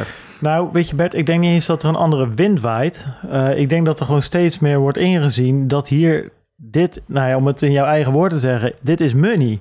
Ja, Weet je, er gaat geld in om en het is Ja. nog steeds niet weg en er gaat alleen maar meer geld in om. Ja, dan vroeg of laat komen banken of eh, asset management. De, de hele mikmak komt erop af, want ja, hier is geld te verdienen blijkbaar. En, ehm, dus dat is exact dezelfde wind, alleen ja, de- eindelijk overtuigd van, het, eh, van, van, van wat bitcoin is. De laatste die ik hier aan toe wil voegen is eh, Van Eck. Die kennen we nog wel van, nou ja, pak een beetje anderhalf jaar terug. Toen met BACT en de ETF's. Hè, die, eh, de- daar hebben we toen onze hoop heel lang op gevestigd. Was er elke week gehad. misschien een ETF? Ja. Precies. Eh, die hebben nu een ETN. Eh, nou ja, ik ga niet helemaal... Dat is een Exchange Traded Note in plaats van een Exchange Traded Fund. En een fund, dat is meer... Ja, dat is echt een fund. En dit is een note. Dat is echt een note. Ja, weet je... goed verhaal. Ja. Nee, het is meer, dit, dit is een soort van schuldpapiertje. Terwijl in een ETF, dan zit er wel echt dus blijkbaar een fonds onder. Nou ja, het is allemaal een beetje moeilijk. Ze zeggen wel dat ze echt de bitcoins aanhouden daaronder. Maar dit is wel, eh, ook weer dit, is wel gewoon tradable op, op in Frankfurt, in de Duitse Borsche. Maar goed, dat is gewoon, dat is gewoon Borsche? de...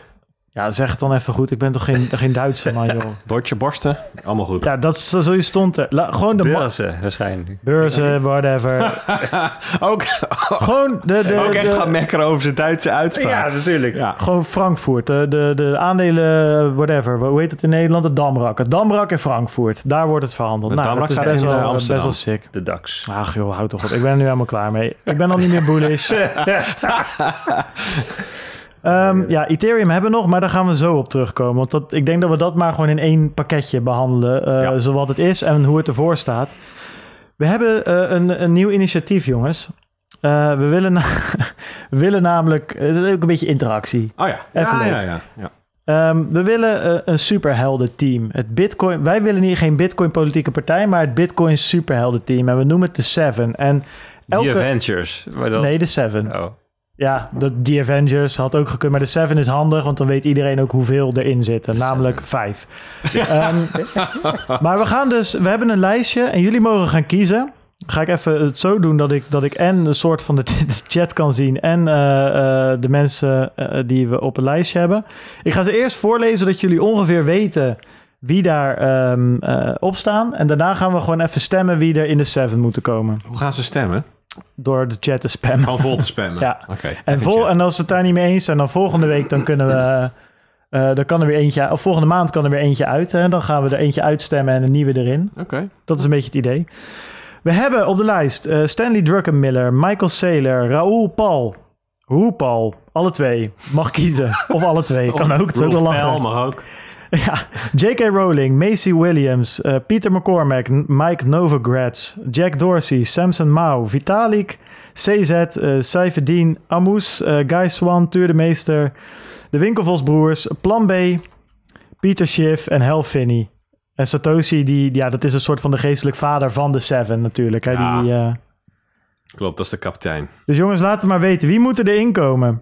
Kan, ik, eh, kan, kan jij dat niet op beeld toveren, Bert? Dat lijstje met namen dat in het scriptje staat. Nou, ik zit even de chat te... Piet Piraat. Correct, right. Tuurlijk. ja, oké.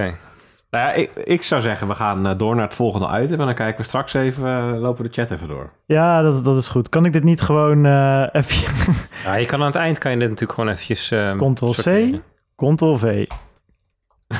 Oh, dat, dat mag niet. Nou, dan komen we daar straks op terug. Denk er maar eens even over na. En als je zelf nog, eh, de, eh, eh, hoe noem je dat, aanmelding hebt voor de Seven, laat het weten. Laat het weten. Hey, ik denk dat het leuk is, jongens. Eh, of komt er nog wel even wat leuks? Even een chatmomentje, misschien ook wel even goed. Wat Nou komt er er allemaal komen langs? allerlei. Ik zie veel Finnies.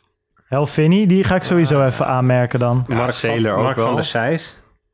Ik wil geen Nederlands sprekende mensen erin. Die kan ik er moeilijk weer uithalen daarna, zeg maar. Dat, Oh, daar- dan, daar- dan krijg je op je kop. Precies. Even, eh, roep eens even, jongens. Dan kan ik even dingetjes... eh Sap de aardwortel. Hel Finney, die hadden we sowieso, toch? Ja, die komt heel veel langs. Tuur de Meester. Tuur de Dat is meeste. ook, spreekt ook Nederlands. Michael Saylor moet er toch in? God, Alex, Alex Machinsky. Uh, you can put me on the list. Uh, Nee, nee, nee. Hij komt er Oh. sowieso niet op. Jij spreekt Nederlands, helaas. Novograd. Ik zie iemand hier Raoul Paul zeggen, die pak ik er gewoon uit. Want die wil ik er ook weer uitschoppen. Dat vind ik wel lachen. Er zijn toch wel veel mensen die een lans breken voor Plan B hoor. Ondanks dat hij Nederlands spreekt. Ja, plan B mag. Die spreekt bijna geen Nederlands. We noemen hem niet voor niets Plan B. Precies. Ehm Saifedin heeft een, een nieuw boek binnenkort, hè? Oké. De Fiat-standaard. Daar is hij twee jaar aan gewerkt. En ehm, de Fiat Standard, ja. Is het begin van een slechte grap? Nee, nee, het is echt, Oké. het is echt waar. Het is echt waar. En hij, hij heeft een, hij heeft nu een podcastje opgenomen waarin hij eh, wat, wat over de inhoud vertelt. Hij gaat het Fiat geldsysteem gaat hij beschrijven zoals je dat ook met... Ik heb er nu al vijf, jongens. Ik heb ze ook even gewoon een paar veto's gepakt. Omdat ik ook wat mensen wil. Kijk, als we Hel Finney erin zetten. En Tuur en Plan B. Ja, dan is er niemand meer om eruit te schoppen. Dus ik kies zelf Michael Saylor en Raoul Paul. Dat vind ik ook weer een leuke kandidaat om er volgende maand uit, Ja, uit te Roger, schoppen. Roger Ver. Koos zegt McAfee. Dat is, vind ik ook wel wat eigenlijk. Dat is, weet je ook gelijk wie eruit kan trappen volgende Ja, Ant- Ma- Antonopoulos. Ma- McAfee. En ehm, Pieter Ja. McCormack vind ik ook een leuke. Ja, die wil ik er ook graag uittrappen. Ja, maar Antonopoulos, die 1, wordt ook 2, veel genoemd. 3, 4. Dan doe ik McAfee weg en dan doen we Antonopoulos. Oké, dan zijn we er. De Seven, jongens. We hebben hem gewoon... Herbert. We- Ja, Herbert is Satoshi. Jongen, jongen, jongen, jongen, jongen. Dat we daar nog over moeten praten. Oké, jongens, we hebben officieel de Seven vastgesteld voor deze maand. Michael Saylor, Raoul Paul, Pieter McCormack, Tuur de Meester, Plan B, Hel Finney en Antonopoulos. En volgende maand stemmen er twee uit. Ja, dit is wel een mooi lijstje trouwens om in te staan voor, eh voor Tuur. Voor, alle, voor allemaal natuurlijk. Ja. Oké. en volgende maand schoppen we er een paar uit. Dus zo gaan we dat doen. We gaan naar Ethereum. We gaan naar Ethereum. Want eh, eh, ik wil, we hadden het vorige week op de lijst. Er zitten mensen te luisteren. Die zitten nu alweer een uur naar die, naar die, die, die denken... Ja, is ik nou in een slechte stand-up avond? Of krijgen we nog wat over Ethereum 2.0? Ja of nee? Dat gaat eraan komen. Peter, Peter, de vloer is van jou. inderdaad. Ja, ik moet even, ik moet even, Ja, jongen. even kieken waar ik ook weer die, eh Je moet even die, die, die aantekeningen... BNR digitaal aan. Nou, laten, we, hem- laten we hem even... het, hele pro- het hele programma wordt in één keer omgegooid, jongens. Laten we hem even schetsen. Een week geleden, toen zaten we nog naar dat contract te kijken. En toen dachten we, komt dit nog vol? Gaan we die 1 december wel halen wanneer ze overgaan? Ja, dat Nou, was bizar. Precies. Zaten op 10% met nog een week of zo. Nou, maar dat is misschien wel leuk om even mee te beginnen. Hè? Want ik heb die Nou, launchpad eh, toevallig openstaan. Er is nu 750.000 eh ether. Ja, maar wat zegt dat Van nou, de 524.000, hè? Dat was het minimum wat er moest Ja. zijn. Ja, voor wat? Dat Nou, is en- de vraag En, voor de en ook, nou ja, Ja, komen we op, komen we op. daar komen we op. Maar het, was ook, het idee was 1 december moesten de, de, de, de trein gaan rijden. En ik dacht dus, nou, voor 1 december, dan hebben ze nog een week. Maar het moest dus één week voor 1 december moest dat gelokt ja, zijn. nu dus eigenlijk. En dat was dus, ja, t- ja, precies. Dus toen, was, toen zag ik op Twitter ineens langskomen van mensen. We hebben nog 24 uur. Dacht ik, hé, Waarvoor? Ja. waarvoor? En toen, en toen in die 24 uur, my goodness, toen is het gewoon echt. Klopt. Ja, Nou, ik, ik heb inmiddels mijn eh, kleine boekwerk gevonden. Dus, we hebben er eh, goed even ja. dichtgeluld. Ja, hè, toch? Ja. Zeker. Hoe, lang heb ik? Tien minuutjes. nee, ja, serieus, ik ben bloed serieus. We hebben echt best nog wel veel. Nou, dan moeten mensen maar gewoon extra snel afspelen straks. Ja, je moet ze zien na de aflevering, jongens. Nou, we gaan snel naar huis, hoor. Want Ja, het is wel heel laat. Ja, ik probeer je nu alvast te helpen, weet je. ja, dat is wel waar. Ehm, Oké, ja, ja. Ik ga er even van uit dat de meeste mensen die luisteren weten wat Ethereum is. Ehm, en dat we niet naar de basis hoeven van wat Bitcoin is en wat Ethereum wil doen. Eh, wat Bitcoin heeft gedaan voor geld, doet Ethereum voor decentrale applicaties enzovoort enzovoort. En, en daar zit een, een ehm, ehm, daar loopt het ecosysteem tegen een probleem aan. Want wat is er aan de hand? Er zijn steeds meer mensen die gebruik maken van dApps ehm, dan waar Ethereum geschikt voor is. En wat je dan krijgt zijn opstoppingen, opstoppingen van transacties en die wachten met z'n allen in de rij om verwerkt te worden. Het is gewoon het eeuwenoude scalability Precies. eh, probleem van eh, proof of work blockchains. Ja, ja, nou, Ja, in, in, in principe van alle blockchains eh, waarvan ehm, de capaciteit overschreden wordt, onafhankelijk van het protocol of manier van bereiken van consensus. Eh, maar op het moment dat er, meer, dat er meer aanbod is dan dat je kan verwerken, dan gaat het langer duren voordat een transactie verwerkt is. En dan nemen de kosten eh, om zo'n transactie te laten verwerken toe. Ehm, en ja, dat is in het geval van Ethereum. Ik bedoel, bij Bitcoin is dat niet leuk. Want je, jij hebt vandaag nog een, eh, een transactie gedaan, geloof ik, waar je 30 dollar voor betaalde. Las ik het goed? nee, ik had het verkeerd gezien. Dat was, dat was de totale fee van dat blok.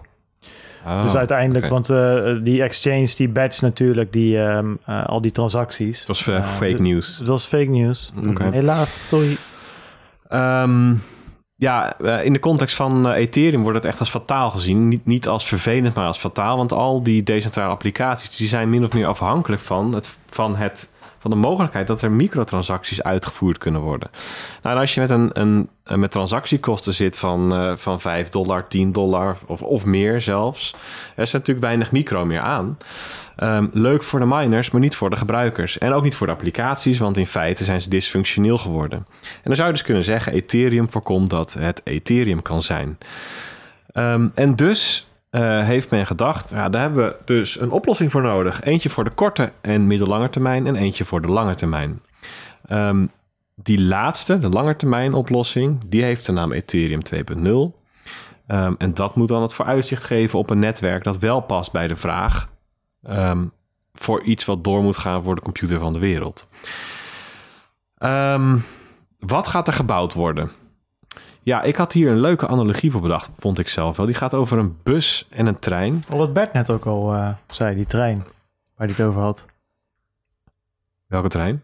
Ja, die, die je nu gaat uitleggen, die heeft hij oh. al geïntroduceerd net een klein beetje. Ja, leuk, hè? Die heeft hij net eventjes nou, weer ja. voor de voetjes... Toen, uh... toen, was ik bezig met, kennelijk. um, Ja, en wel goed uh, om even te melden voor de goede orde. Deze, de, de oorsprong van deze analogie komt van iemand anders uit 2019. Ik weet niet precies meer wie. Maar ik heb hem helemaal uitgeperst tot op het bot. Om een beetje begrijpelijk te maken wat ze nou gaan bouwen. Um, je moet Ethereum, de huidige versie, even zien als een rijdende bus. Um, aan die bus is nu heel vaak gesleuteld. Uh, dat zijn al die Ethereum improvement proposals die doorgevoerd worden. Er zijn een aantal hard forks geweest. Um, dat ontwerp, uh, binnen het ontwerp van wat die bus toestaat en toelaat, is er aan veiligheid, capaciteit en snelheid eigenlijk niet zoveel meer te winnen. Dat is jammer en problema problematisch, want er is veel meer vraag naar transport dan waar die bus in kan voorzien. Uh, dus uh, is er besloten, um, terwijl die bus op maximale snelheid onderweg is, um, wordt op een andere plek een plaatsvervangend vervoermiddel gemaakt een gloednieuwe trein. Um, eerst de locomotief, daarna de wagons en dan de binnenbekleding van die wagons. En op een gegeven moment neemt de trein al het vervoer uh, en uh, de bedoeling is meer van de bus over. Um, nou, Ethereum 2.0 staat voor de bouw van de trein en de transitie van de bus naar de trein toe. Um, een klus waar meerdere jaren in gaat zitten. ja, dus nu ook nog meerdere jaren in gaat zitten dat het nu in het nieuws komt, Ethereum 2.0, is eigenlijk omdat um, de locomotief af is. En dat is, dat is de eerste stap van, het, van, van zo'n megaproject. Um, want want de, de grootste problemen moeten nog opgelost worden. En daar wordt nog over gedebatteerd, er wordt nog ontworpen, er wordt nog mee geëxperimenteerd. Het is helemaal niet uh, duidelijk ook dat, uh, ondanks dat de locomotief nu gaat rijden, en daar is die lancering voor, die launchpad waar we het net over hadden, daar komen we nog op. Um, de trein is nog niet af en ze weten eigenlijk ook nog niet precies hoe het spoor loopt. Um, maar goed, uh, er staat wel een lancering van nieuwe infrastructuur voor de deur. Dat gebeurt dus op 1 december. Um, en, en, dan is even de vraag van, oké, hoe kan ik dan instappen op zo'n rijdende trein? Vanaf een rijdende bus? Nou, dan vraag ik echt even wat van je fantasie. Dat lukt vast met de mensen die nu, die nu meekijken. Je hebt er geen verdovende middelen voor nodig. Um, je kan het best wel even bedenken. Tussen de bus en de trein hangt een magische brug. En daar mag je overheen. Gewoon door je bij de, bij de treinconducteur te melden. Um, in de trein zelf is nog niet zoveel te beleven in eerste instantie. Maar er komt een punt op de trein met een hele stevige kabel aan de bus gekoppeld wordt.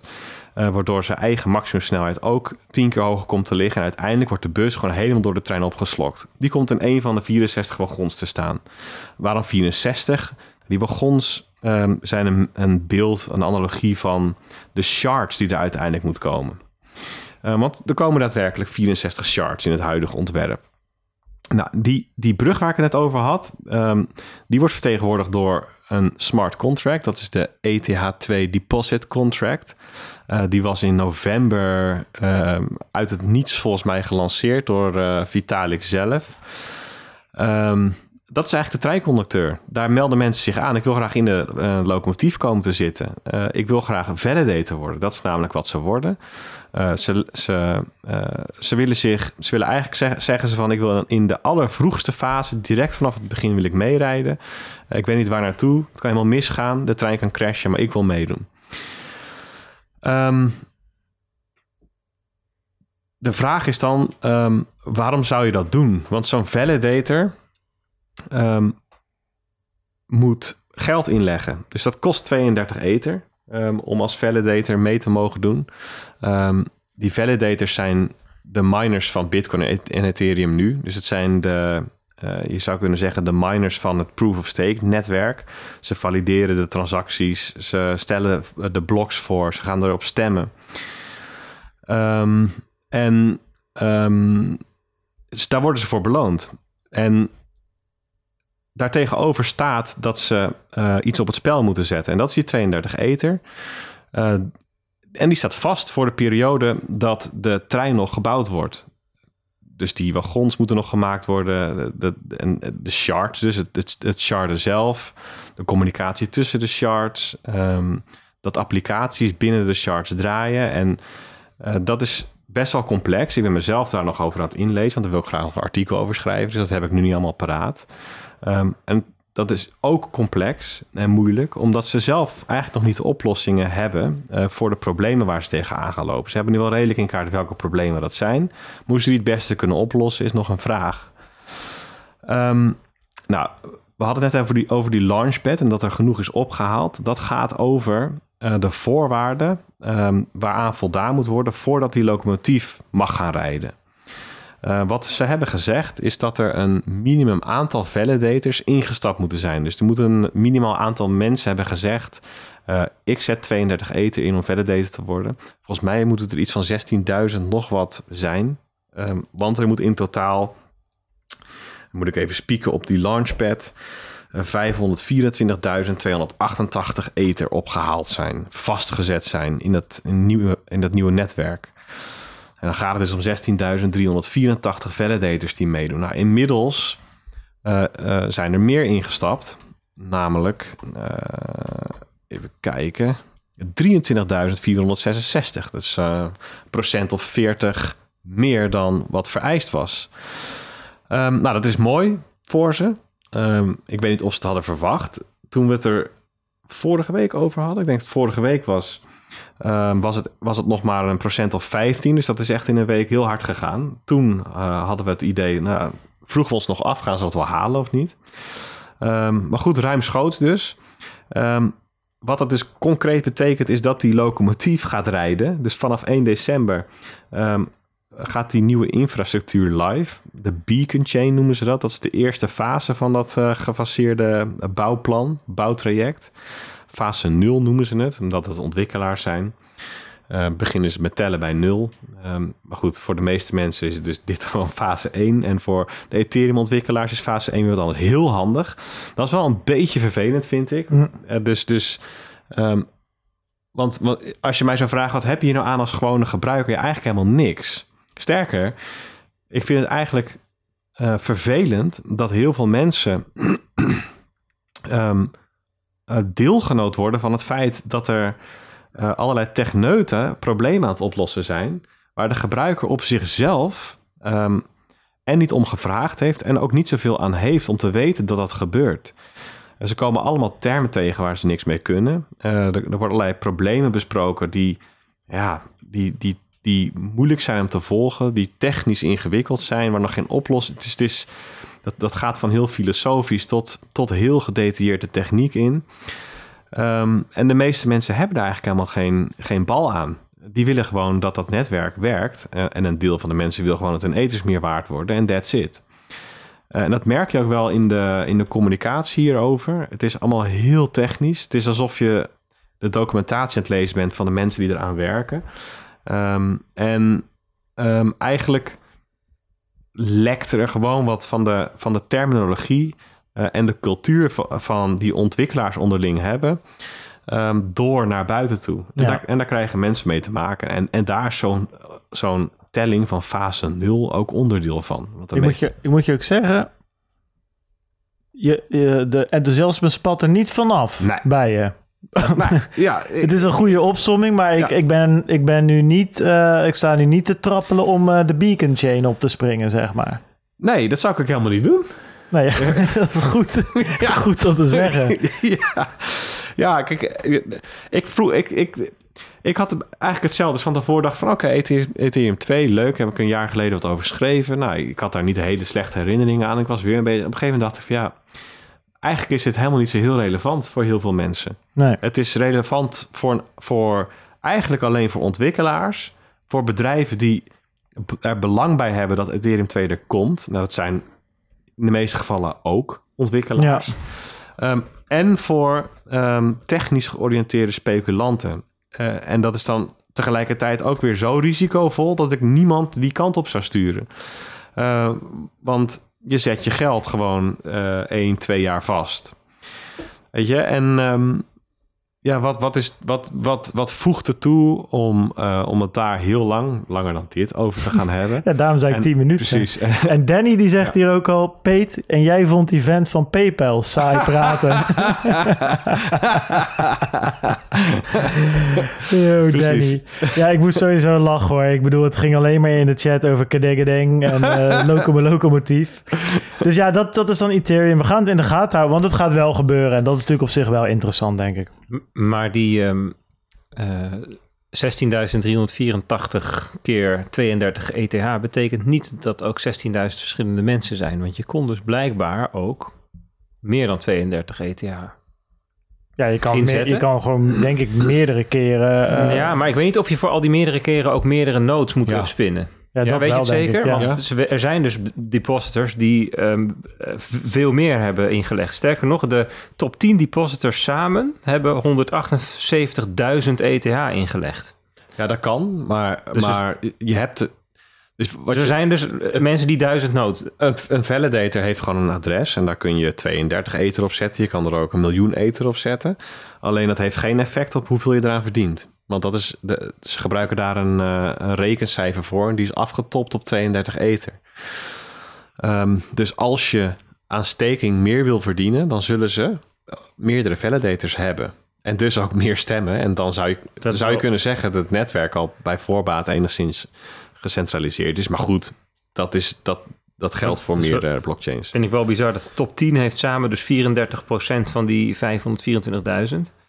En die hebben dus allemaal, weet ik veel, allemaal nood. Ja. Ja, Bitcoin Suisse heeft volgens mij op de laatste dag meer dan 100.000 ether ingelegd. En ik ga ervan uit dat ze daarvoor meerdere nodes, eh, meerdere validators Ja, eh, als, iemand, hebben als iemand dit weet, dan, eh, dan eh, ben ik er wel benieuwd naar. Ik moet wel zeggen dat ik bij mij ook het, het, het, het, het leven uit me voel, gezogen voel worden eh, Nou. van het Ethereum-verhaal een beetje nu. Heb je dat niet? Het is een beetje... eh, Ik word er niet Nou, echt ik- enthousiast van of zo. Terwijl het een- toch ja, best ja, wel die- een enthousiast ding is. Kom op. Ik heb een toch, paar eh, podcasts geluisterd van, van Ethereum. ehm, ehm, mensen die dit onwijs tof vonden. En, die, ehm, en daar werd ik wel enthousiast van op zich. In hoe ze erover praten, waar ze naar kijken, wat ze verwachten, wat ze voor zich zien. Ja, En ehm, ze zien ehm eh, ETH 2 zien ze als de internetbond, dus een zeg maar de internetobligatie. Ze zeggen van ja, ehm, vergelijk nou eh, Ethereum nou eens met een land. Ze zeggen nou, we staan nu al geloof ik 100, 130ste of zo op de lijst van landen qua hoeveelheid ehm, eh, staatsobligatie die uitgegeven is. Want het idee is namelijk dat je ehm, met die ge- gedeponeerde ethers, dat je daar dus, ehm, nou ja, eh, dus ge- geld mee verdient. Hè? Dus eh, hoeveel is dat in het begin? 15% of zo? Bij, die- ligt nou ja, er is- hoeveel er er is een curve. Ja. minder, maar... Er is een curve van hoeveel mensen in totaal eh, steken. En hoe, hoe meer dat er zijn, hoe minder je dus aan rente krijgt. Dus dat betekent als het er te, te veel worden, dan wordt het minder interessant. Zullen mensen stoppen met steken. En zo, zo zal er dus een verband zijn tussen. Ehm, eh, eh, nou ja, een soort vraag en aanbod wordt dat Ja. eh, eigenlijk. Dus dat, dat, dat zien zij als iets heel ehm, bijzonders. Dus dat je voor het eerst ehm, ja, rendement kunt maken op je vermogen. Ja, Ja. ja. op, ja, weet, ja. Ik, ik, ik, ben het, eh, ik, ik ben het wel met Bart eens. Ik, ik vind het zelf ook best een suf onderwerp. Ja, het kwam ook niet heel erg... Nee. Ja, Terwijl we er Nee. lekker in zaten, jongens. Dus laten we eens even Nee, lekker maar- gaan zeiken op de vat. ja, Kunnen we dat niet gewoon gaan doen? Weet je, na, de, we hebben het gewoon wel echt een fout gemaakt. We hebben een heerlijke bullish item gehad. En dan gaan we het over Ethereum 2 hebben. Ja, Ja, dat kan, ja dan, dan moet je toch daar, vind ik, als presentator overheen kunnen stappen. ja, ja. Ja, nee, ik, ik, maar moet je nagaan, hè? Dat heb ik dus al gedaan. ja, ja, precies. Hey, jongens, de FATF. We kennen ze allemaal. Dat is een soort van super AFM slash DNB... Uh, die regels maken voor heel de wereld schijnbaar. En dat gaat dan vooral over anti-money laundering en, uh, en terrorismefinanciering. Of in ieder geval dat tegengaan natuurlijk. En die, zijn, um, die kwamen een jaar of twee geleden met de zogenaamde travel rule. Dat kwam erop neer dat ja, eigenlijk, ja, zij noemen dat VASPs. Dat klinkt een beetje alsof je nooit naar een logopedist bent geweest vroeger, terwijl het wel nodig was. Beetje lekker slissen, VASPs. Beginnen van de kwijlen, joh. Maar die, kijk, het ding is dus, een VASP is eigenlijk een broker, of het is een virtual asset service provider, dus een exchange, een broker, iets in die richting. Nou, als jij, dus wat zij moeten doen, als jij je geld van de ene broker naar de andere verstuurt, dus bijvoorbeeld van uh, Bitcoin Meester naar, uh, naar Anycoin Direct, dan moeten zij van elkaar weten dat ze allebei een VASP zijn. En dan moeten zij jouw gegevens meesturen van Bart, Bartje Mol die stuurt nu 0,00001 bitcoin, want de rest is die verloren na de, na de bear market of in de bear market.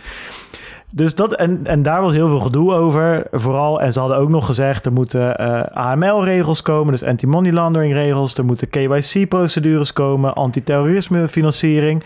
En dat hebben we natuurlijk de afgelopen twee jaar gezien, want die dingen zijn allemaal geïmplementeerd. En die travel rule zeggen ze nu dus ook in hun ja, soort van document waarin ze alles een beetje geobserveerd hebben wat er de afgelopen twee jaar gebeurd is.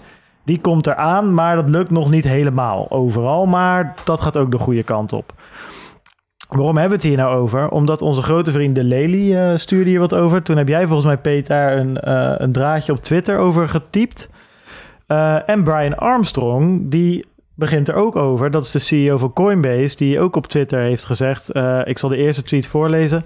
Last week we heard rumors that the US Treasury and Secretary Mnuchin, Mnuchin, Mnuchin, were planning to rush out some new regulation regarding self-hosted crypto wallets before the end of his term. Want hij moet natuurlijk er vandoor over een paar maanden. Een maand eigenlijk. I'm concerned that this would have unintended side effects and wanted to share those concerns. En daar komt hij dus eigenlijk met alle uh, ja, uh, bedenkingen die hij daarover heeft. Want het gaat dus vooral nu over self-hosted crypto wallets. Waar het eerst altijd over custodial wallets ging, over de VASPs, over de brokers, gaat het nu over de wallet die ik in mijn zak heb, de paper wallet, de blue wallet, de ledger, de trezor, de cold card, gewoon mijn eigen beheer. Daar beginnen ze nu aan te tornen. Peet, je hebt ernaar gekeken.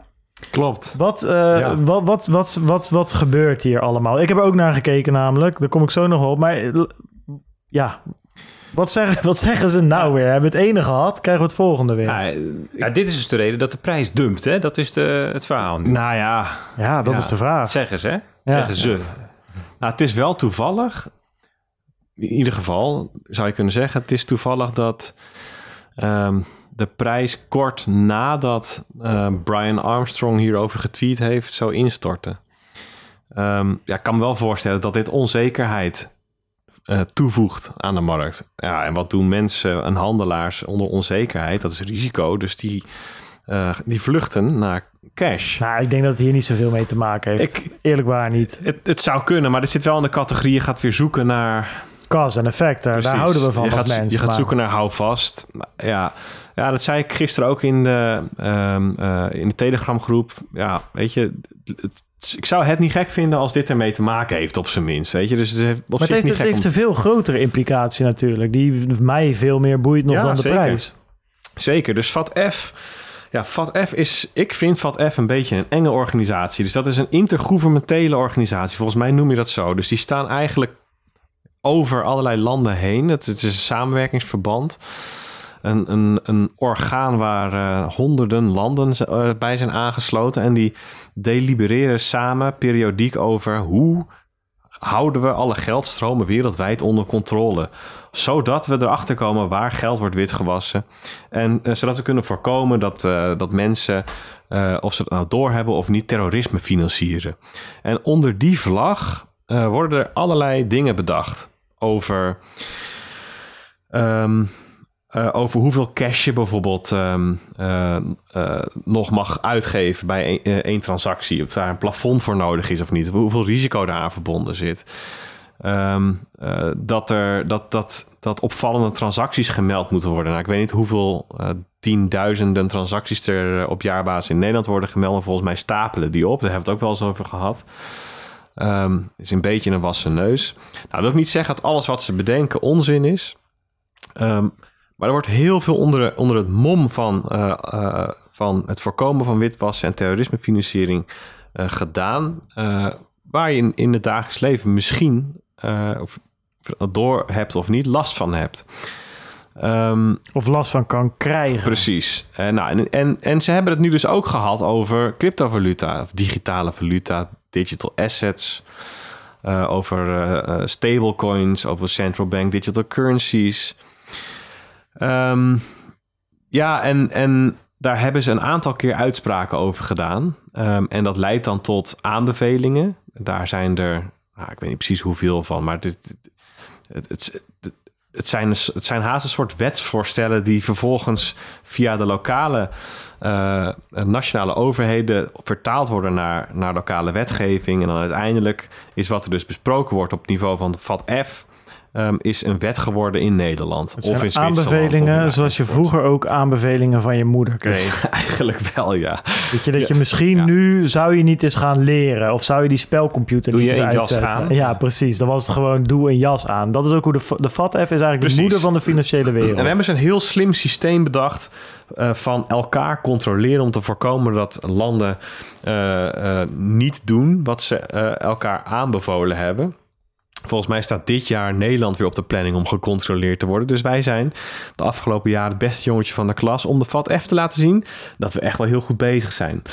Um, nou, en, en dat was wel uh, onderdeel van de duiding van waarom um, minister Hoekstra de, de nieuwe wetgeving door de Tweede en Eerste Kamer heen heeft geloodst zoals hij dat heeft gedaan. Dat is, dat is op zijn zachtst gezegd niet op een heel nette manier ge, uh, gegaan.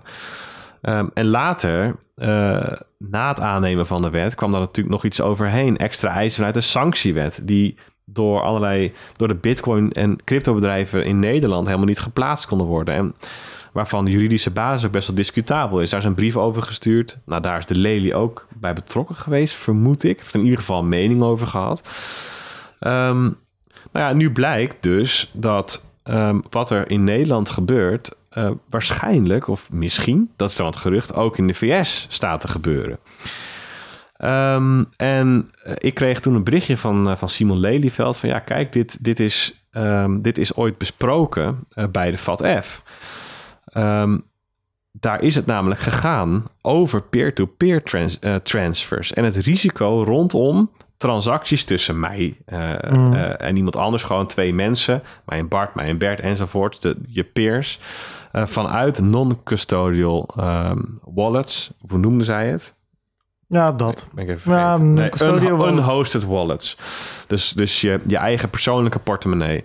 En toen zeiden zij van ja, weet je, de, de FATF dus, er is nog onvoldoende bewijs om, um, om nu aanbevelingen uit te spreken over uh, uh, unhosted wallets.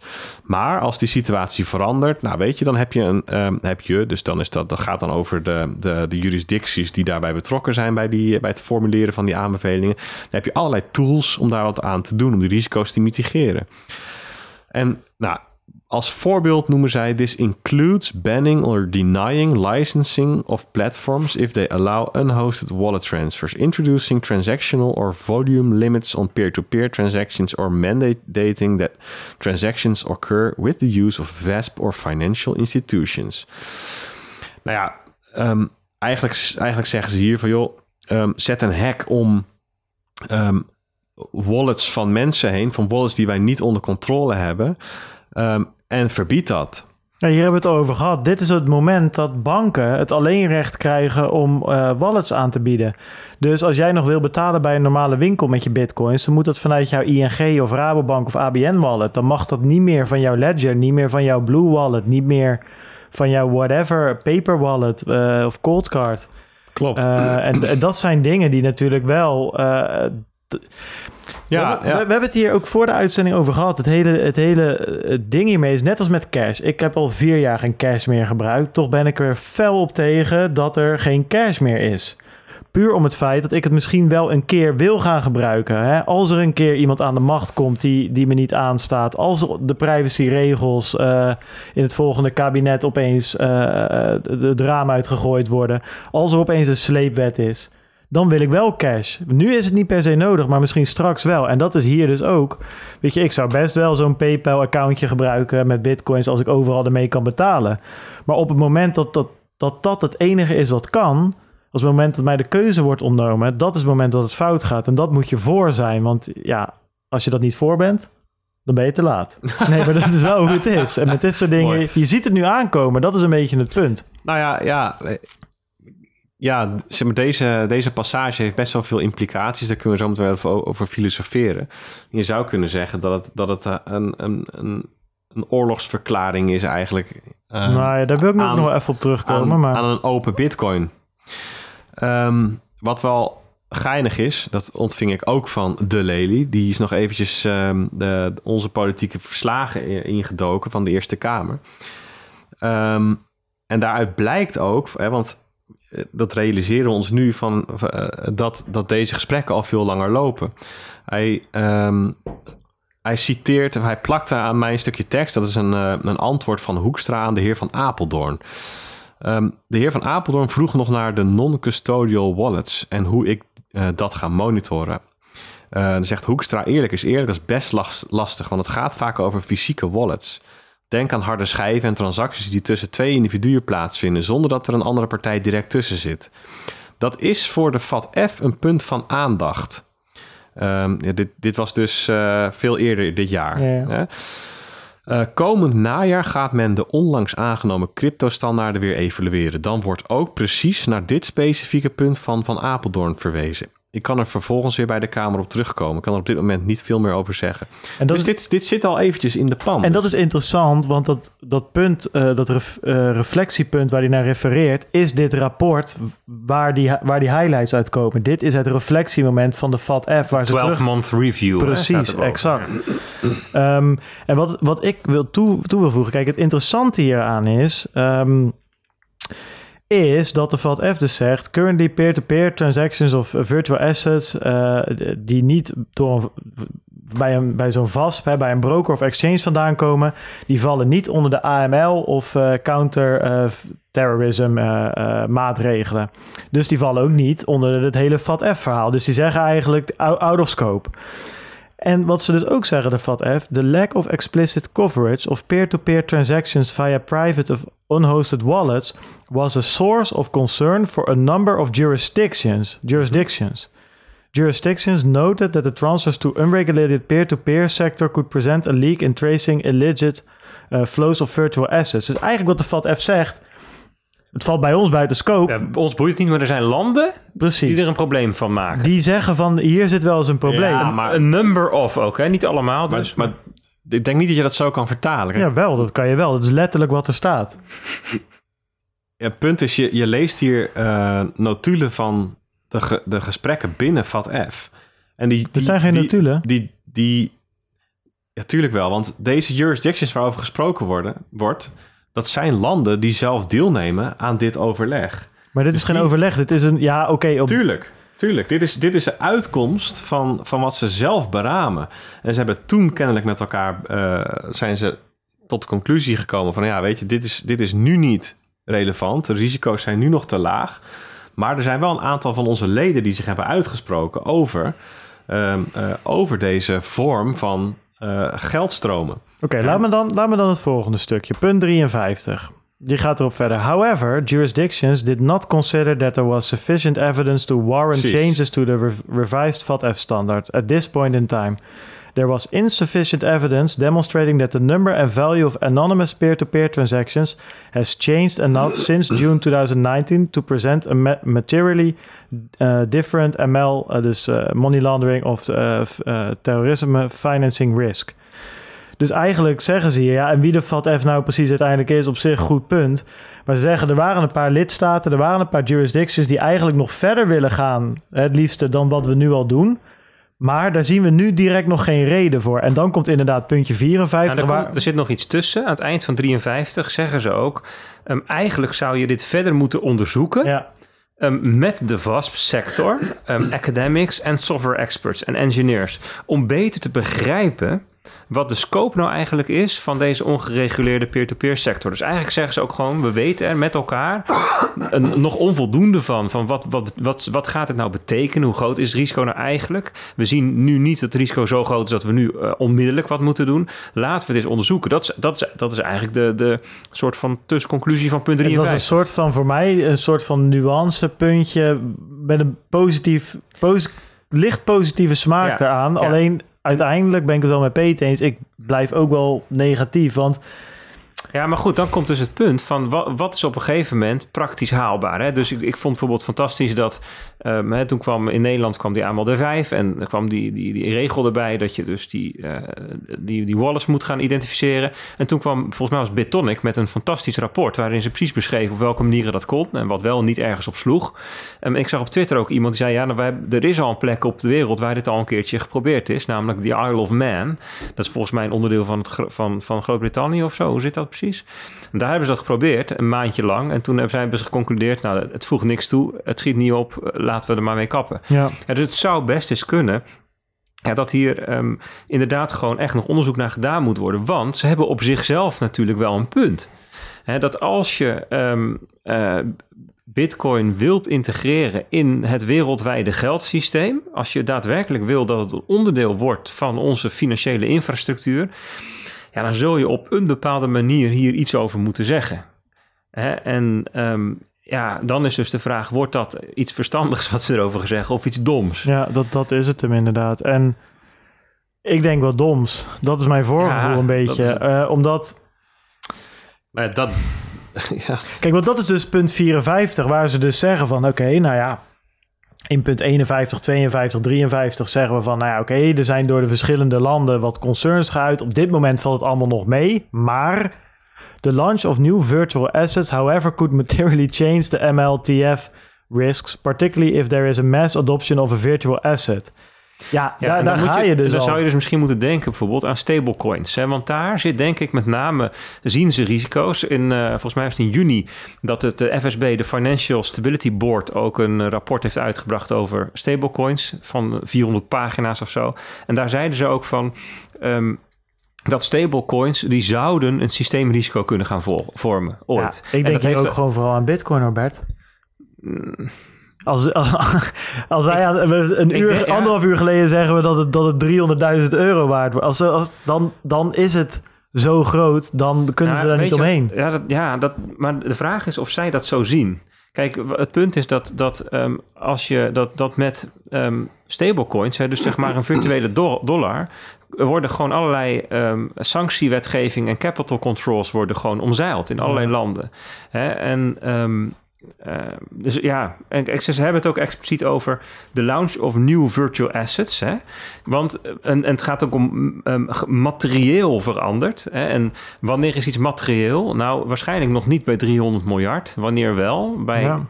20.000 miljard misschien. Weet je wel? Dus dat, eh, ja, op, de- op, de, op, de, op de schaal van het, het wereldwijde geldsysteem zijn dingen niet zo snel materieel natuurlijk. Nee, dat is waar. Maar ik zie gewoon, en dan komen we uiteindelijk gewoon bij, bij, bij het punt wat, wat P denk ik ook aangeeft, is dat ik zie Hoekstra al gewoon zeggen van bitcoin transacties mogen zijn nog, mag nog tot 2000 euro waarde of zo.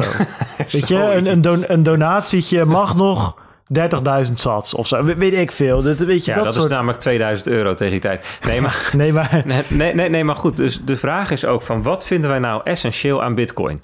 Ehm, not your keys, not your coins. Dat is er eentje van. Hè? En het, dat zouden we best kunnen organiseren in combinatie met eh, custodial wallets. Op een of andere manier. Dat is niet onmogelijk. Hè? Wat, dus de vraag is ook, wat betekent dan dat iets een custodial wallet is? Betekent dat dat het in eigendom is van een custodian? Of betekent dat het onder beheer of onder toezicht van een custodian is, maar dat je wel nog zelf de keys hebt, zodat er geen tegenpartijrisico is?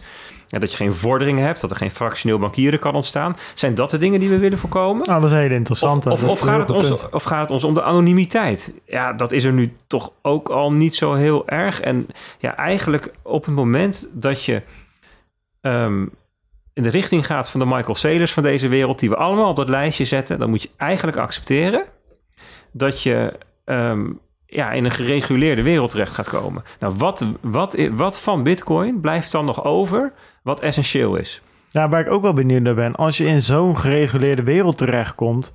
op een gegeven moment dan, dan, dan zeggen al die uh, FATF en uh, DNB's en whatever er al bovenop... die zeggen dan toch niet tegen dat core development teampje van Bitcoin... die, die daar volgens mij met een mannetje of 15 aan dat core protocol zitten te werken van... nou oké, iedereen uh, staat onder het meest gestoorde toezicht ooit... maar blijven jullie maar een beetje tinkeren aan dat Bitcoin. Daar, ik bedoel, ik kan me niet voorstellen dat dan op een gegeven moment dat zij dan de, de, complete vrijheid krijgen om lekker door te werken daaraan. Op een gegeven moment zegt zo'n FATF toch ook, weet je wat wij doen? Wij gaan gewoon zorgen dat zij dat, dat core-protocol gewoon zo gaan veranderen dat we er wat, wat mee kunnen. Dat is veel kosteneffectiever dan elke broker op de wereld onder toezicht laten vallen. Weet ik niet of ze daar zo gedetailleerd naar kijken. Hoeveel mensen denk je dat er werken aan de core-protocollen van het internet? Uiteindelijk um, ja. uh, uh, reguleren ze dat ook niet op het niveau van het protocol. Nee, dat is op zich ook weer Ze waar. zeggen gewoon waar het aan moet voldoen. En dan moeten landen daar maar voor zorgen. Ja, ik ben heel, um, heel benieuwd. En dit was wel de eerste keer dat ze dus echt inderdaad... Uh, uh, of de eerste keer, de eerste keer dat ik het zag in ieder geval... dat ze echt zeggen van, nou ja, weet je... wij gaan er nog niks uh, vanuit de FATF echt over zeggen... maar Wopke Hoekstra en andere ministers van Financiën van de landen als jullie het echt nodig vinden, go ja. your gang. En, en, en uh, ik, mag je extra, één seconde, dan mag je extra uh, strenge maatregelen implementeren als je dat wil. Wat ze dus ook gedaan hebben met, dat hele, uh, met die hele invulling van die sanctiewet. Met het maken van screenshots, het verifiëren van wallets. Dat is dus een extra strenge invulling van uiteindelijk zo'n FATF-richtlijn. Ja, kijk, wat die mensen zich niet realiseren is dat een wallet helemaal niet bestaat. Hè? Dan, wat, wat is een wallet eigenlijk? Is een wallet je seed phrase? Of is een wallet je adres? Weet je, hoe, hoe zien ze dat eigenlijk voor zich? Dat is nu ook. En je moet nu met die nieuwe wetgeving moet je je wallet of je moet je een adres moet je voor. Maar wat is een adres? Dat is helemaal niet per se een public key. Ja, je hebt P2Public key um, uh, hash-achtige adressen, maar je kan ook gewoon P2Script hash adres hebben. Wat is dat? Hoe weet je? Hoe, wat is dat dan? Wat zit daar dan achter? Ja, meerdere keys. Wie zijn dan de eigenaars? Ja, alleen ja. deze, deze nuance maakt het er juist niet beter op. Nee, maar dat betekent dus dat dit gewoon um, niet één op één toepasbaar is op de techniek. Het past niet één op één op de techniek. Nee, maar het punt is dat, dat de mensen die iets zeggen over um, wat uiteindelijk de regels moeten worden, vanaf vat F tot aan de wetgever in Nederland. Dus dat gaat dan via FATF naar de Europese Unie. Dan verschijnt er een richtlijn die aangepast is. Dan verschijnt er een Nederlands amendement, gaat door de Kamers heen. Hoeveel mensen in dat hele proces hebben enig idee waar ze het over hebben? Zero. Nou, ik denk nou, inderdaad... aantal, maar... Nou ja, dat dat, dat het op één hand te tellen is. En dat is tegelijkertijd het grote risico. Want als het als het wel te eng is, dan gaan mensen inderdaad met simplistische oplossingen komen. Met sledgehammers, waarbij je gewoon in één keer de hele gedachtegoed kapot geramd wordt. En dat nee, is eigenlijk die frase ook in het ja, ja. In, in die... Hè? Nee, maar het, het hele woord, uh, wij noemen het nu ook een custodial wallet. Zij hebben het over hosted, hè? Of self-hosted versus... Ja, dat had Peter ook netjes uh, opgezocht. Maar, maar wat, hoe noemen ze nou letterlijk? Nee, hosted. hosted unhosted. Oh ja, un, private unhosted wallets. Um, ja, dus de vraag is, wat ze dan bedoelen met hosted wallets? Die, die, term is nog ongedefinieerd. Ja, maar nou, niet, ik, snap, ik ben met je eens dat het onduidelijk, onduidelijk, of misschien zelfs incorrect is, maar het is vrij duidelijk wat ze ermee nou, bedoelen. De custodial en niet custodial. Ja, Dus wat, is, wat betekent custodial? brokers, uh, aanbieders. Eigenlijk als je zelf niet de keys hebt. Ik denk dat je daar een beetje de, de, voor het gemak. En ik ben met je eens, Bert. We kunnen waarschijnlijk nu vijf straten ingaan waar we nuances dat, kunnen vinden. Maar daarmee zouden ze bijvoorbeeld Lightning verbieden. Um, uh, Want een Lightning ja, dat, dat is een van die straten, denk ik. Even. Je hebt ook custodial Lightning wallets. Kan.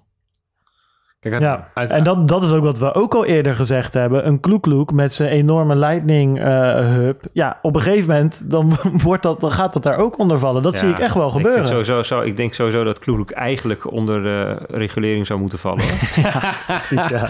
dus zo'n eh, soort ABN is dat. Maar goed, dan gaat, ja, je gaat dus vroeg of laat kijken. En dan, nou ja, oké, dan, dan, dan zijn we wel echt geaccepteerd. Maar wel onder de, onder de regels van de oude bazen. Maar kijk, in, in, die, in het licht van, ehm, eh, van die frase die we net opla oplazen, die we net, is het oplazen? Nou, die, die net langskwam uit, het, uit die aanbevelingen. Hè, dus dat ze eigenlijk zeggen van, nou weet je, we willen dat hele peer-to-peer gedoe gewoon helemaal niet. In dat licht is het moeten whitelisten van een adres, is nog mild. Is nog, is nog, Ja. eh, is, Weet je, als dit gaat gebeuren, dan krijg je dus twee Bitcoin-werelden. Want mensen gaan er gewoon mee door. Ja, een paar eh, cypherpunks inderdaad, maar eh, de rest zit gewoon op PayPal. Ja, weet je, ik ga niet mijn, mijn, mijn, mijn zuur DCA, de bitcoins, in de waagschaal stellen. En dat is ook precies jouw punt. Wat is het? Is het voor jou je pensioen, je store value? Of is het een manier om anonieme transacties te doen? Is het een manier om stiekem geld te versturen eh, naar, naar je familie in China... als jij de enige bent die het Westen heeft bereikt? Ja, dat zijn natuurlijk allemaal... Nou ja, kijk, het verschil zit er denk ik in fundamenteel heb je wel of niet zelf de keys. Kijk, ik kan me heel goed voorstellen dat je wel, dat je iets bij een custodial, of een custodian heet het dan, bewaarder in bewaring geeft. Ehm, maar dat je uiteindelijk wel zelf nog ook keys hebt. Ja, dan, maar dat is wel een goeie. Maar dan denk ik niet per se dat, dat, dat je echt iets in bewaring geeft, maar meer dat je. ehm, Stel dat je dit bij een bank doet, hè? dus je hebt gewoon je eigen keys. Dus eh, zij hebben niet jouw keys, zij kunnen niks met, jou, met jouw coins. Misschien is het een, een of andere multisig of zo, whatever. Of jij hebt gewoon alleen de keys. Maar om die keys te krijgen bij hun, moet je wel eh, helemaal door de KYC heen gaan. Eh, moeten zij jouw Xpub in kunnen zien. Alles wat ze nodig hebben om aan, aan die eh, travel rule en dat soort dingen te voldoen. Dus als jij wat stuurt met jouw keys, dan ziet jouw bank dat en dan kunnen ze dat delen.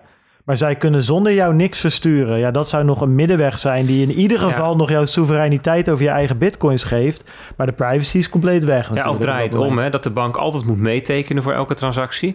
Kijk, eh, je Ja, moet je, precies, dat, kijk, je moet ook. je ook Maar voor- het effect is dan hetzelfde. Privacy weg, Jawel, maar privacy, soevereiniteit maar, is maar er nog waar, wel. Waar het natuurlijk om gaat, is dat ehm, de, de mensen die nu eh, invloed hebben, macht hebben en eh, veel geld hebben en in bitcoins aan het stappen zijn, zeg maar al die, die de hedge funds en de, de rijken en de family offices, weet je, al die mensen die nu elke keer langskomen, Stan Druckenmiller, nou, allemaal, die, die interesseert het geen bal, die privacy, hè? Weet je, dat is gewoon prima, weet je, dus hebben nu ook eh, aandelen en goud, dus, dus gewoon vermogen, ze zien het gewoon als digitale goud. Dus het enige wat voor hun onwijs belangrijk is, dat 21 miljoen bitcoin 21 miljoen bitcoin blijft. En dat er dus geen fractioneel bitcoin bankier ontstaat.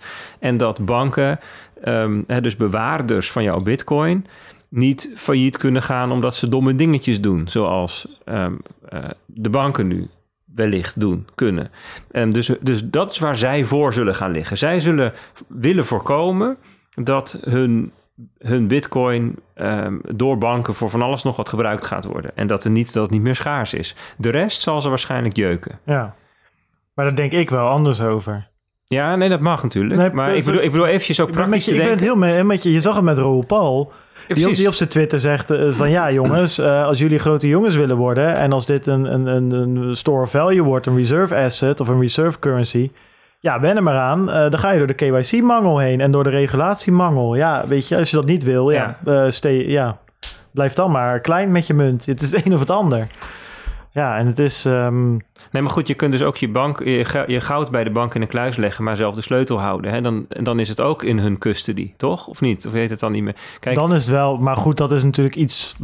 eh, zeg maar, als, als je bank niet de sleutel heeft, dan ja, kijk dat was Naval, toch? Die zei, ik wil helemaal niet eh, mijn bitcoin zelf bewaren. ja, die had het over Want- bearer assets. Ja, inderdaad. die zegt van het is eh, levensgevaarlijk. Dan komen ze bij mijn huis en zeggen ze geef mij je bitcoin maar. Zeg ik, ik moet gewoon kunnen zeggen "Eh, dat kan ik niet, want dat heb ik namelijk aan een professionele partij gegeven die daar veel beter in is. Die zitten daarop. Het is hun werk. Zij kunnen bitcoins Ja, bewaren. dat ben ik met je eens. Ik bedoel, ik, ik zou als ik veel, als, als ik heel veel bitcoin zou hebben, of als het heel veel waard zal worden, op een gegeven moment is het niet relaxed om met een ledger aan je sleutelhanger te lopen, met je pensioen eraan. Nee. Dus ik vind custody solutions vind ik helemaal geen probleem. Het probleem is als ik niet meer de mogelijk heb, mogelijkheid heb om van die custody solution terug te gaan naar volledig soeverein mijn eigen eh bitcoin Waarom is dat een probleem voor jou? Ja, ja, nou ja, omdat dat toch een beetje ding is waarvoor ik toch wel enigszins Ja, ideologisch. verliefd ben op bitcoin. Oké. Ja, ideologisch inderdaad, ja. Ja. ja. En ik denk ook als je aan dat soort ideologische dingen gaat, aan dat soort dingen gaat tornen, weet je, hoe lang duurt het dan nog voordat we niet kunnen zeggen, hé, hey, we maken er 42 miljoen van? Weet je, de rest hebben we ook al opgegeven. Not your keys, not your coins is ook zo 2020. weet je, whatever. Laten we 42 miljoen bitcoins gaan maken, veranderen we dat ook wel. Weet je, die core developers hebben, zijn al lang van een gebouw afgesprongen als een soort van martelaren. Ja, weet je, het, eh, hoeveel kan je opgeven voor, voordat het geen bitcoin meer is? Dat, ja, ik weet niet. Ik, ik, ik voorzie daar niet... 42 miljoen, dat is onderdeel van het verhaal van al die rijke mensen die die dingen ook hebben. Dus dat zal misschien wel weer, die schaarste, dat zal misschien wel weer blijven. Maar ik ben het helemaal met je eens dat de, de zelfsoevereiniteit, zeg maar alles waar de cypherpunks voor stonden, dat staat hier natuurlijk on- bij, bij onder druk. Ja. En dat niet alleen, ook de innovatie staat onder druk. Want die innovatie die nu gebeurt, hè, dus ook het Lightning-netwerk, maar Lightning is eigenlijk maar een voorbeeld van, van iets wat je kunt tegen Bitcoin aan al die innovatie die is afhankelijk van het vrijelijk kunnen experimenteren. En denk aan decentralized finance. Wat willen Ja. ze met decentralized finance is ehm, het eh, permissieloos maken, het gedecentraliseerd maken van financiële dienstverlening. Dus lenen, sparen, eh, verzekeren, handelen, verzin het allemaal maar. En en waarom eh, vindt daar de innovatie plaats? Omdat het, een soort, omdat het onder geen enkele juridictie valt nu. Het is een soort regelvrije zone. Ja. Iedereen kan doen en kloten wat hij wil. En dus worden er allerlei dingen uitgevonden. En ehm, als je zegt van nou, Bitcoin bestaat uit ehm, custodial wallets en verder niks, ja, dan is het dus ook einde innovatie. Per direct. Ja, precies. En ik denk dat er gewoon best wel veel eh, derde, vierde, vijfde, zesde orde effecten zijn die wij hier nooit kunnen verzinnen.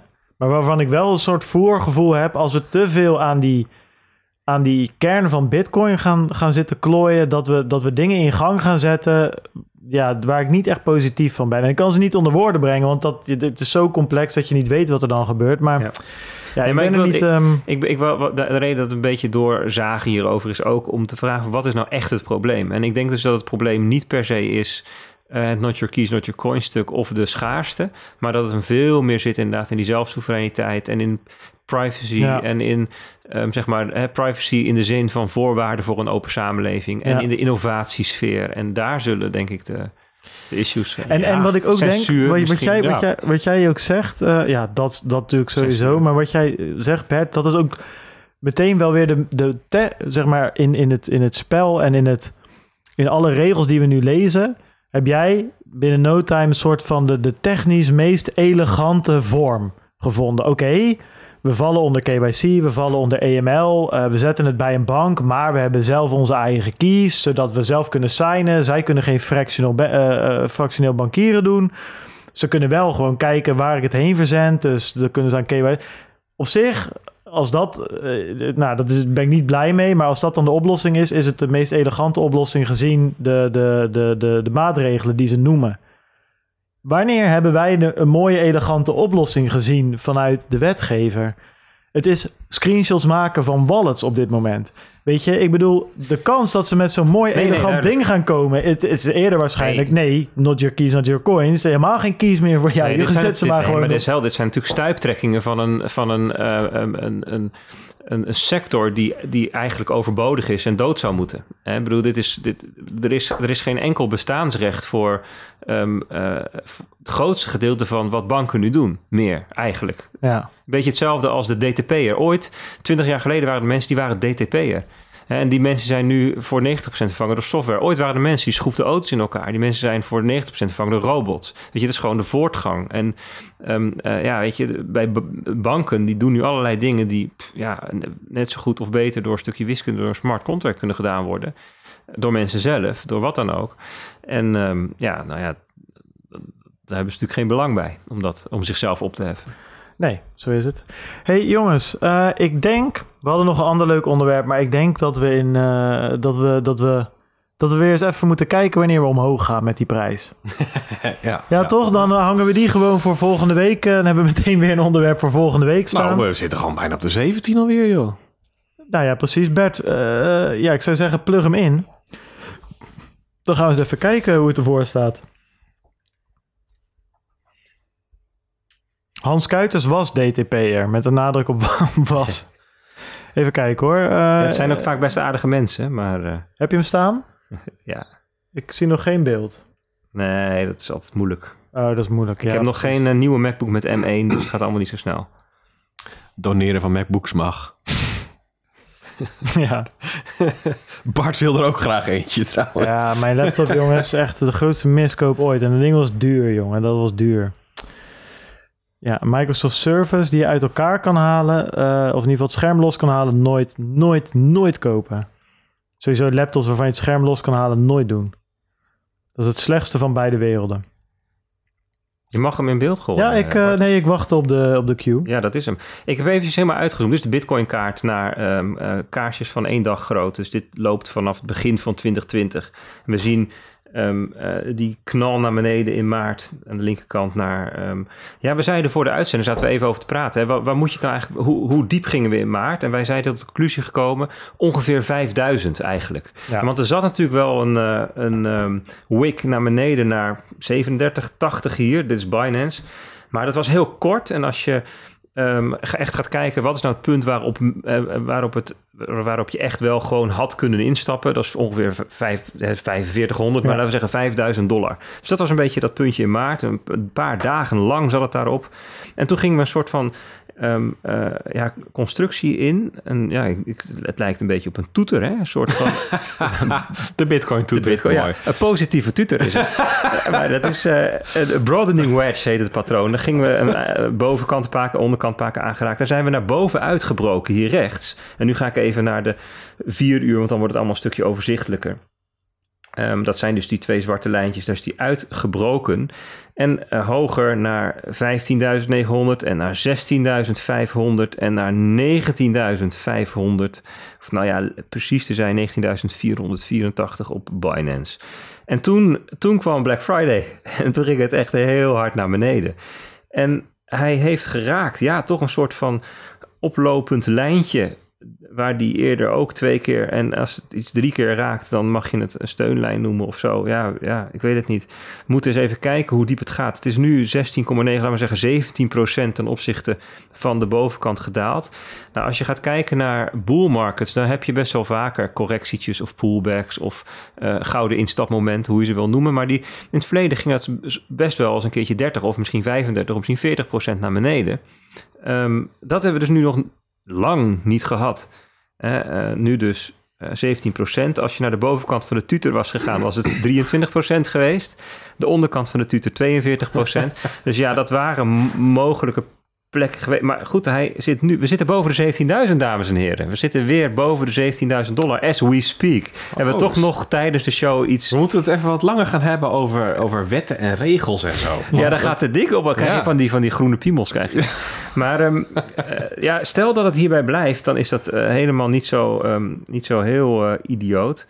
Ehm, Maar die, maar die, die tutor die is geïnvalideerd nu, neem ik aan.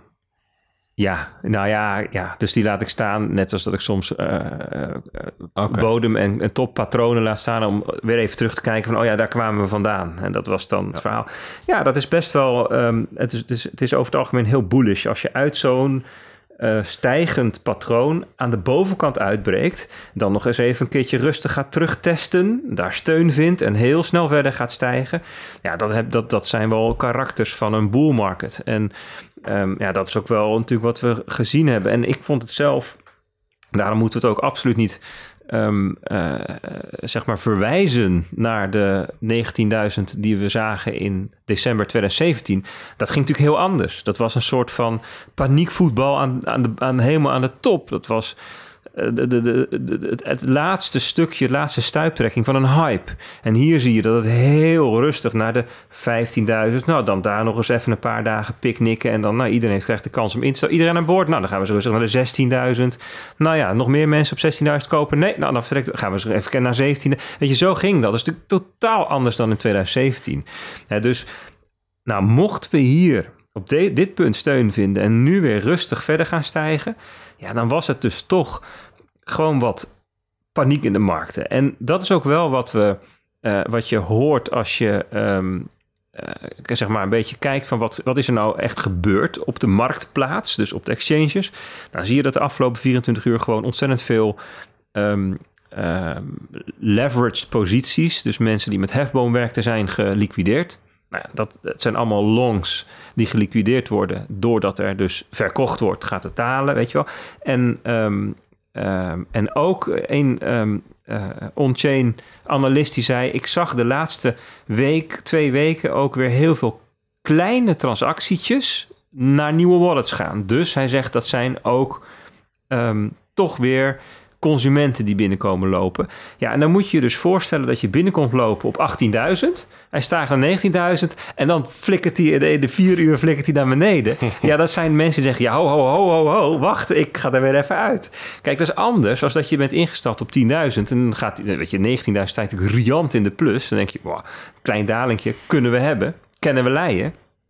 Ja, dus dat was zijn analyse van, ja, weet je, toch, ehm, toch wat consumenten. En nou, wij zeggen de laatste weken zeggen we vaak, en dat uh, wij niet alleen, dat is een beetje de algemene de consensus onder de analisten van ja, het is nu anders dan 2017, want het is nu professioneel geld. Het zijn professionele investeerders die binnenkomen. Dat is de meme van nu. Hè? Dat is, uh, dus dan verwijzen we naar die. Um, al die, uh, die, die hedge fund managers en die analisten en, en, en, en Michael Saylor. En, maar ja, weet je, PayPal, dat zijn wel allemaal consumenten. En dat, dat zijn, laten we zo zeggen, um, Michael Saylor die kocht niet op PayPal. En dat zijn, uh, dat zijn consumenten. En Grayscale, ja, dat is natuurlijk wel een fonds um, die primair verkocht wordt aan um, uh, institutional investors. Maar er is een hele grote secundaire markt waar je gewoon via je broker-account, dus je, je de Giro, maar dan Amerikaans, waarin je dat kunt kopen. Um, dus ja, toch wel veel consumenten. En ik zie dat in Nederland toch ook alweer hoor. Sinds we weer een beetje de buurt komen van die all-time high, dan ik hoor het ook. Ik krijg ook weer vragen van, joh, moet ik toch weer eens wat met Bitcoin? Mensen komen toch onder een steen vandaan. Dus ja, dat is dan misschien heeft dat daar toch iets mee te maken, hè? dat het um, uh, dan toch uh, escaleert. En, ja, en, en die... combineer het dan met, met inderdaad een, dun, een dunne periode op de, op de Hij markt. was nog niet klaar. Nee. Even... Kijk, Bert, je zit hier, die kaart van je, je zit op vier uur te kijken. Zet dat ding eens op een dag of zo. Hier moet je kijken hoe we zijn gegaan, joh. Dat is amper twee weken zijn we van. Nou, pak een beetje 11.000 of zo. Ja, 17 oktober zaten op 11.000. Het, het, het, is, het, kijk, het is een flinke, flinke candle naar, naar, naar beneden. Zeker, maar zat er ook wel een beetje aan te komen. Ik baal er gewoon van, Peet. Ik ben eens even naar jou te kijken. Waar baal je van? Van mij? Ik baal ervan dat we gewoon net even oh. niet die all-time high ja, hebben aangetikt. Weet je, die, die dump boeit me niet zoveel. Dat zat er aan te komen, maar even aantikken had leuk geweest. We hadden hem ook min of meer beloofd natuurlijk nu. We hadden hem ook een beetje beloofd. En, uh, ja, belofte maakt schuld, dus dat wordt dan bij de oliebollen, denk ik. Ja, Overigens, het is, het is voor de Nederlanders niet verkeerd als het tot 2 januari duurt. Want dan zit je op 1 januari toch nog even met een goedkoop snapshot voor de Belastingdienst. Dat is waar. Bedoel, uh, zo is het natuurlijk ook. Ja, even zo'n candle op. even, precies nou ja, gaat, rond middernacht. Ja, want het is natuurlijk de vraag, hè, wat, is dan, um, wat is dan precies de koers waartegen je dat moet doen? Dat moet dus blijkbaar met de openingskoers. En wat is dan de openingskoers voor Bitcoin? Bitcoin gaat nooit dicht, dus er is natuurlijk geen openingskoers. maar dat hebben we dan. Ja, ik interpreteer het zelf als de, de openingskoers van um, uh, ja, UTC of zo dan maar op 1 januari. Maar dat, dus da, daar moet even een goede. Ja, dat moet. Ja, als het dan even laag blijft, dan is het. Uh... Is dan eigenlijk het moment dat, dat de reguliere beurzen openen? Zou ik zeggen. Ja, het maakt natuurlijk ook geen zak uit. Want uh, als je daar dik boven zit, zit je daar dik boven. Nou, de afgelopen en... jaren maakt het inderdaad niet zoveel uit. Maar als je inderdaad echt een hele lelijke candle hebt... Dan ja, het is natuurlijk balen als jij precies twee bitcoin hebt... en het stijgt flink, dan zit je er net boven. En uh, op dit moment... Ik zag hem overigens dat er ook een wet... Uh, in de Belastingwet 2021... dat er, dat wordt, er wordt nog over gestemd, geloof 15 december in de Eerste Kamer. Maar als dat doorgaat, dan gaat dus de vrijstelling van vermogen... naar 50.000 euro per persoon. Dus dat is als je met z'n tweeën... Gaat toch volgend jaar al zo? Ja, in 2021, ja, ja. dat als het wordt aangenomen. En dat betekent, je snapshot die je maakt op 1 januari 2021... dat is dus voor het jaar 2021. Dus als dat gaat gelden, dan mag je dus een ton... als je met z'n tweeën bent, aan bitcoins hebben... zonder dat je daar belasting over betaalt. Dus met 20.000 euro zou dat 5 BTC zijn... wat je vrij met steetjes mag hebben. Ja, of een derde BTC met de koers van dan. Toch? 1 januari 2021. Ja, ja dan zitten we... Oh, da, ja, maar dan ook hoor. Dan ja, zitten we ook wel op drie ton. half BTC. Ja, echt wel. hey, uh, jo jongens. Ik denk gewoon dat we er langzaamaan eens een eind aan gaan breien. Want dan kunnen we nog even lekker met onze grote vrienden nog ja, eventjes... Uh, precies. Kunnen we nog even, even een kleine borrel houden. En dan stoppen we gewoon exact de mundo om, om twee uur. Dat vind ik perfect. Um, jongens, bedankt. Weer dat jullie hier waren. Alle luisteraars bedankt ook voor het kijken. Wat ik al zeg, we gaan nog even door op YouTube. Dus ga er niet van door. Uh, maar ik ga wel even de podcast afsluiten voor de luisteraars. Vind je deze podcast leuk? Join onze Telegram groep. Volg ons op Twitter. De links staan op www.satoshi Zit je toevallig nu live te kijken, dan kan je ook altijd bijvoorbeeld beslissen om even te liken en te subscriben. En uh, je kan doneren en iedereen weet dit te vinden, namelijk op onze website. Uh, check ook www.lekkercryptisch.nl, want um, daar staan steeds meer artikelen de laatste tijd. Dus dat gaat hartstikke goed. Uh, en daar kan je ook bijvoorbeeld, als je nog meer van Ethereum 2.0 wil, wil weten, kan je daar het hele artikel van Peet over bussen en treinen. Ja, dat is, dat is nou wel het hoogtepunt, lees ik. Precies. Jongens, allemaal bedankt en we zien jullie volgende week. Later.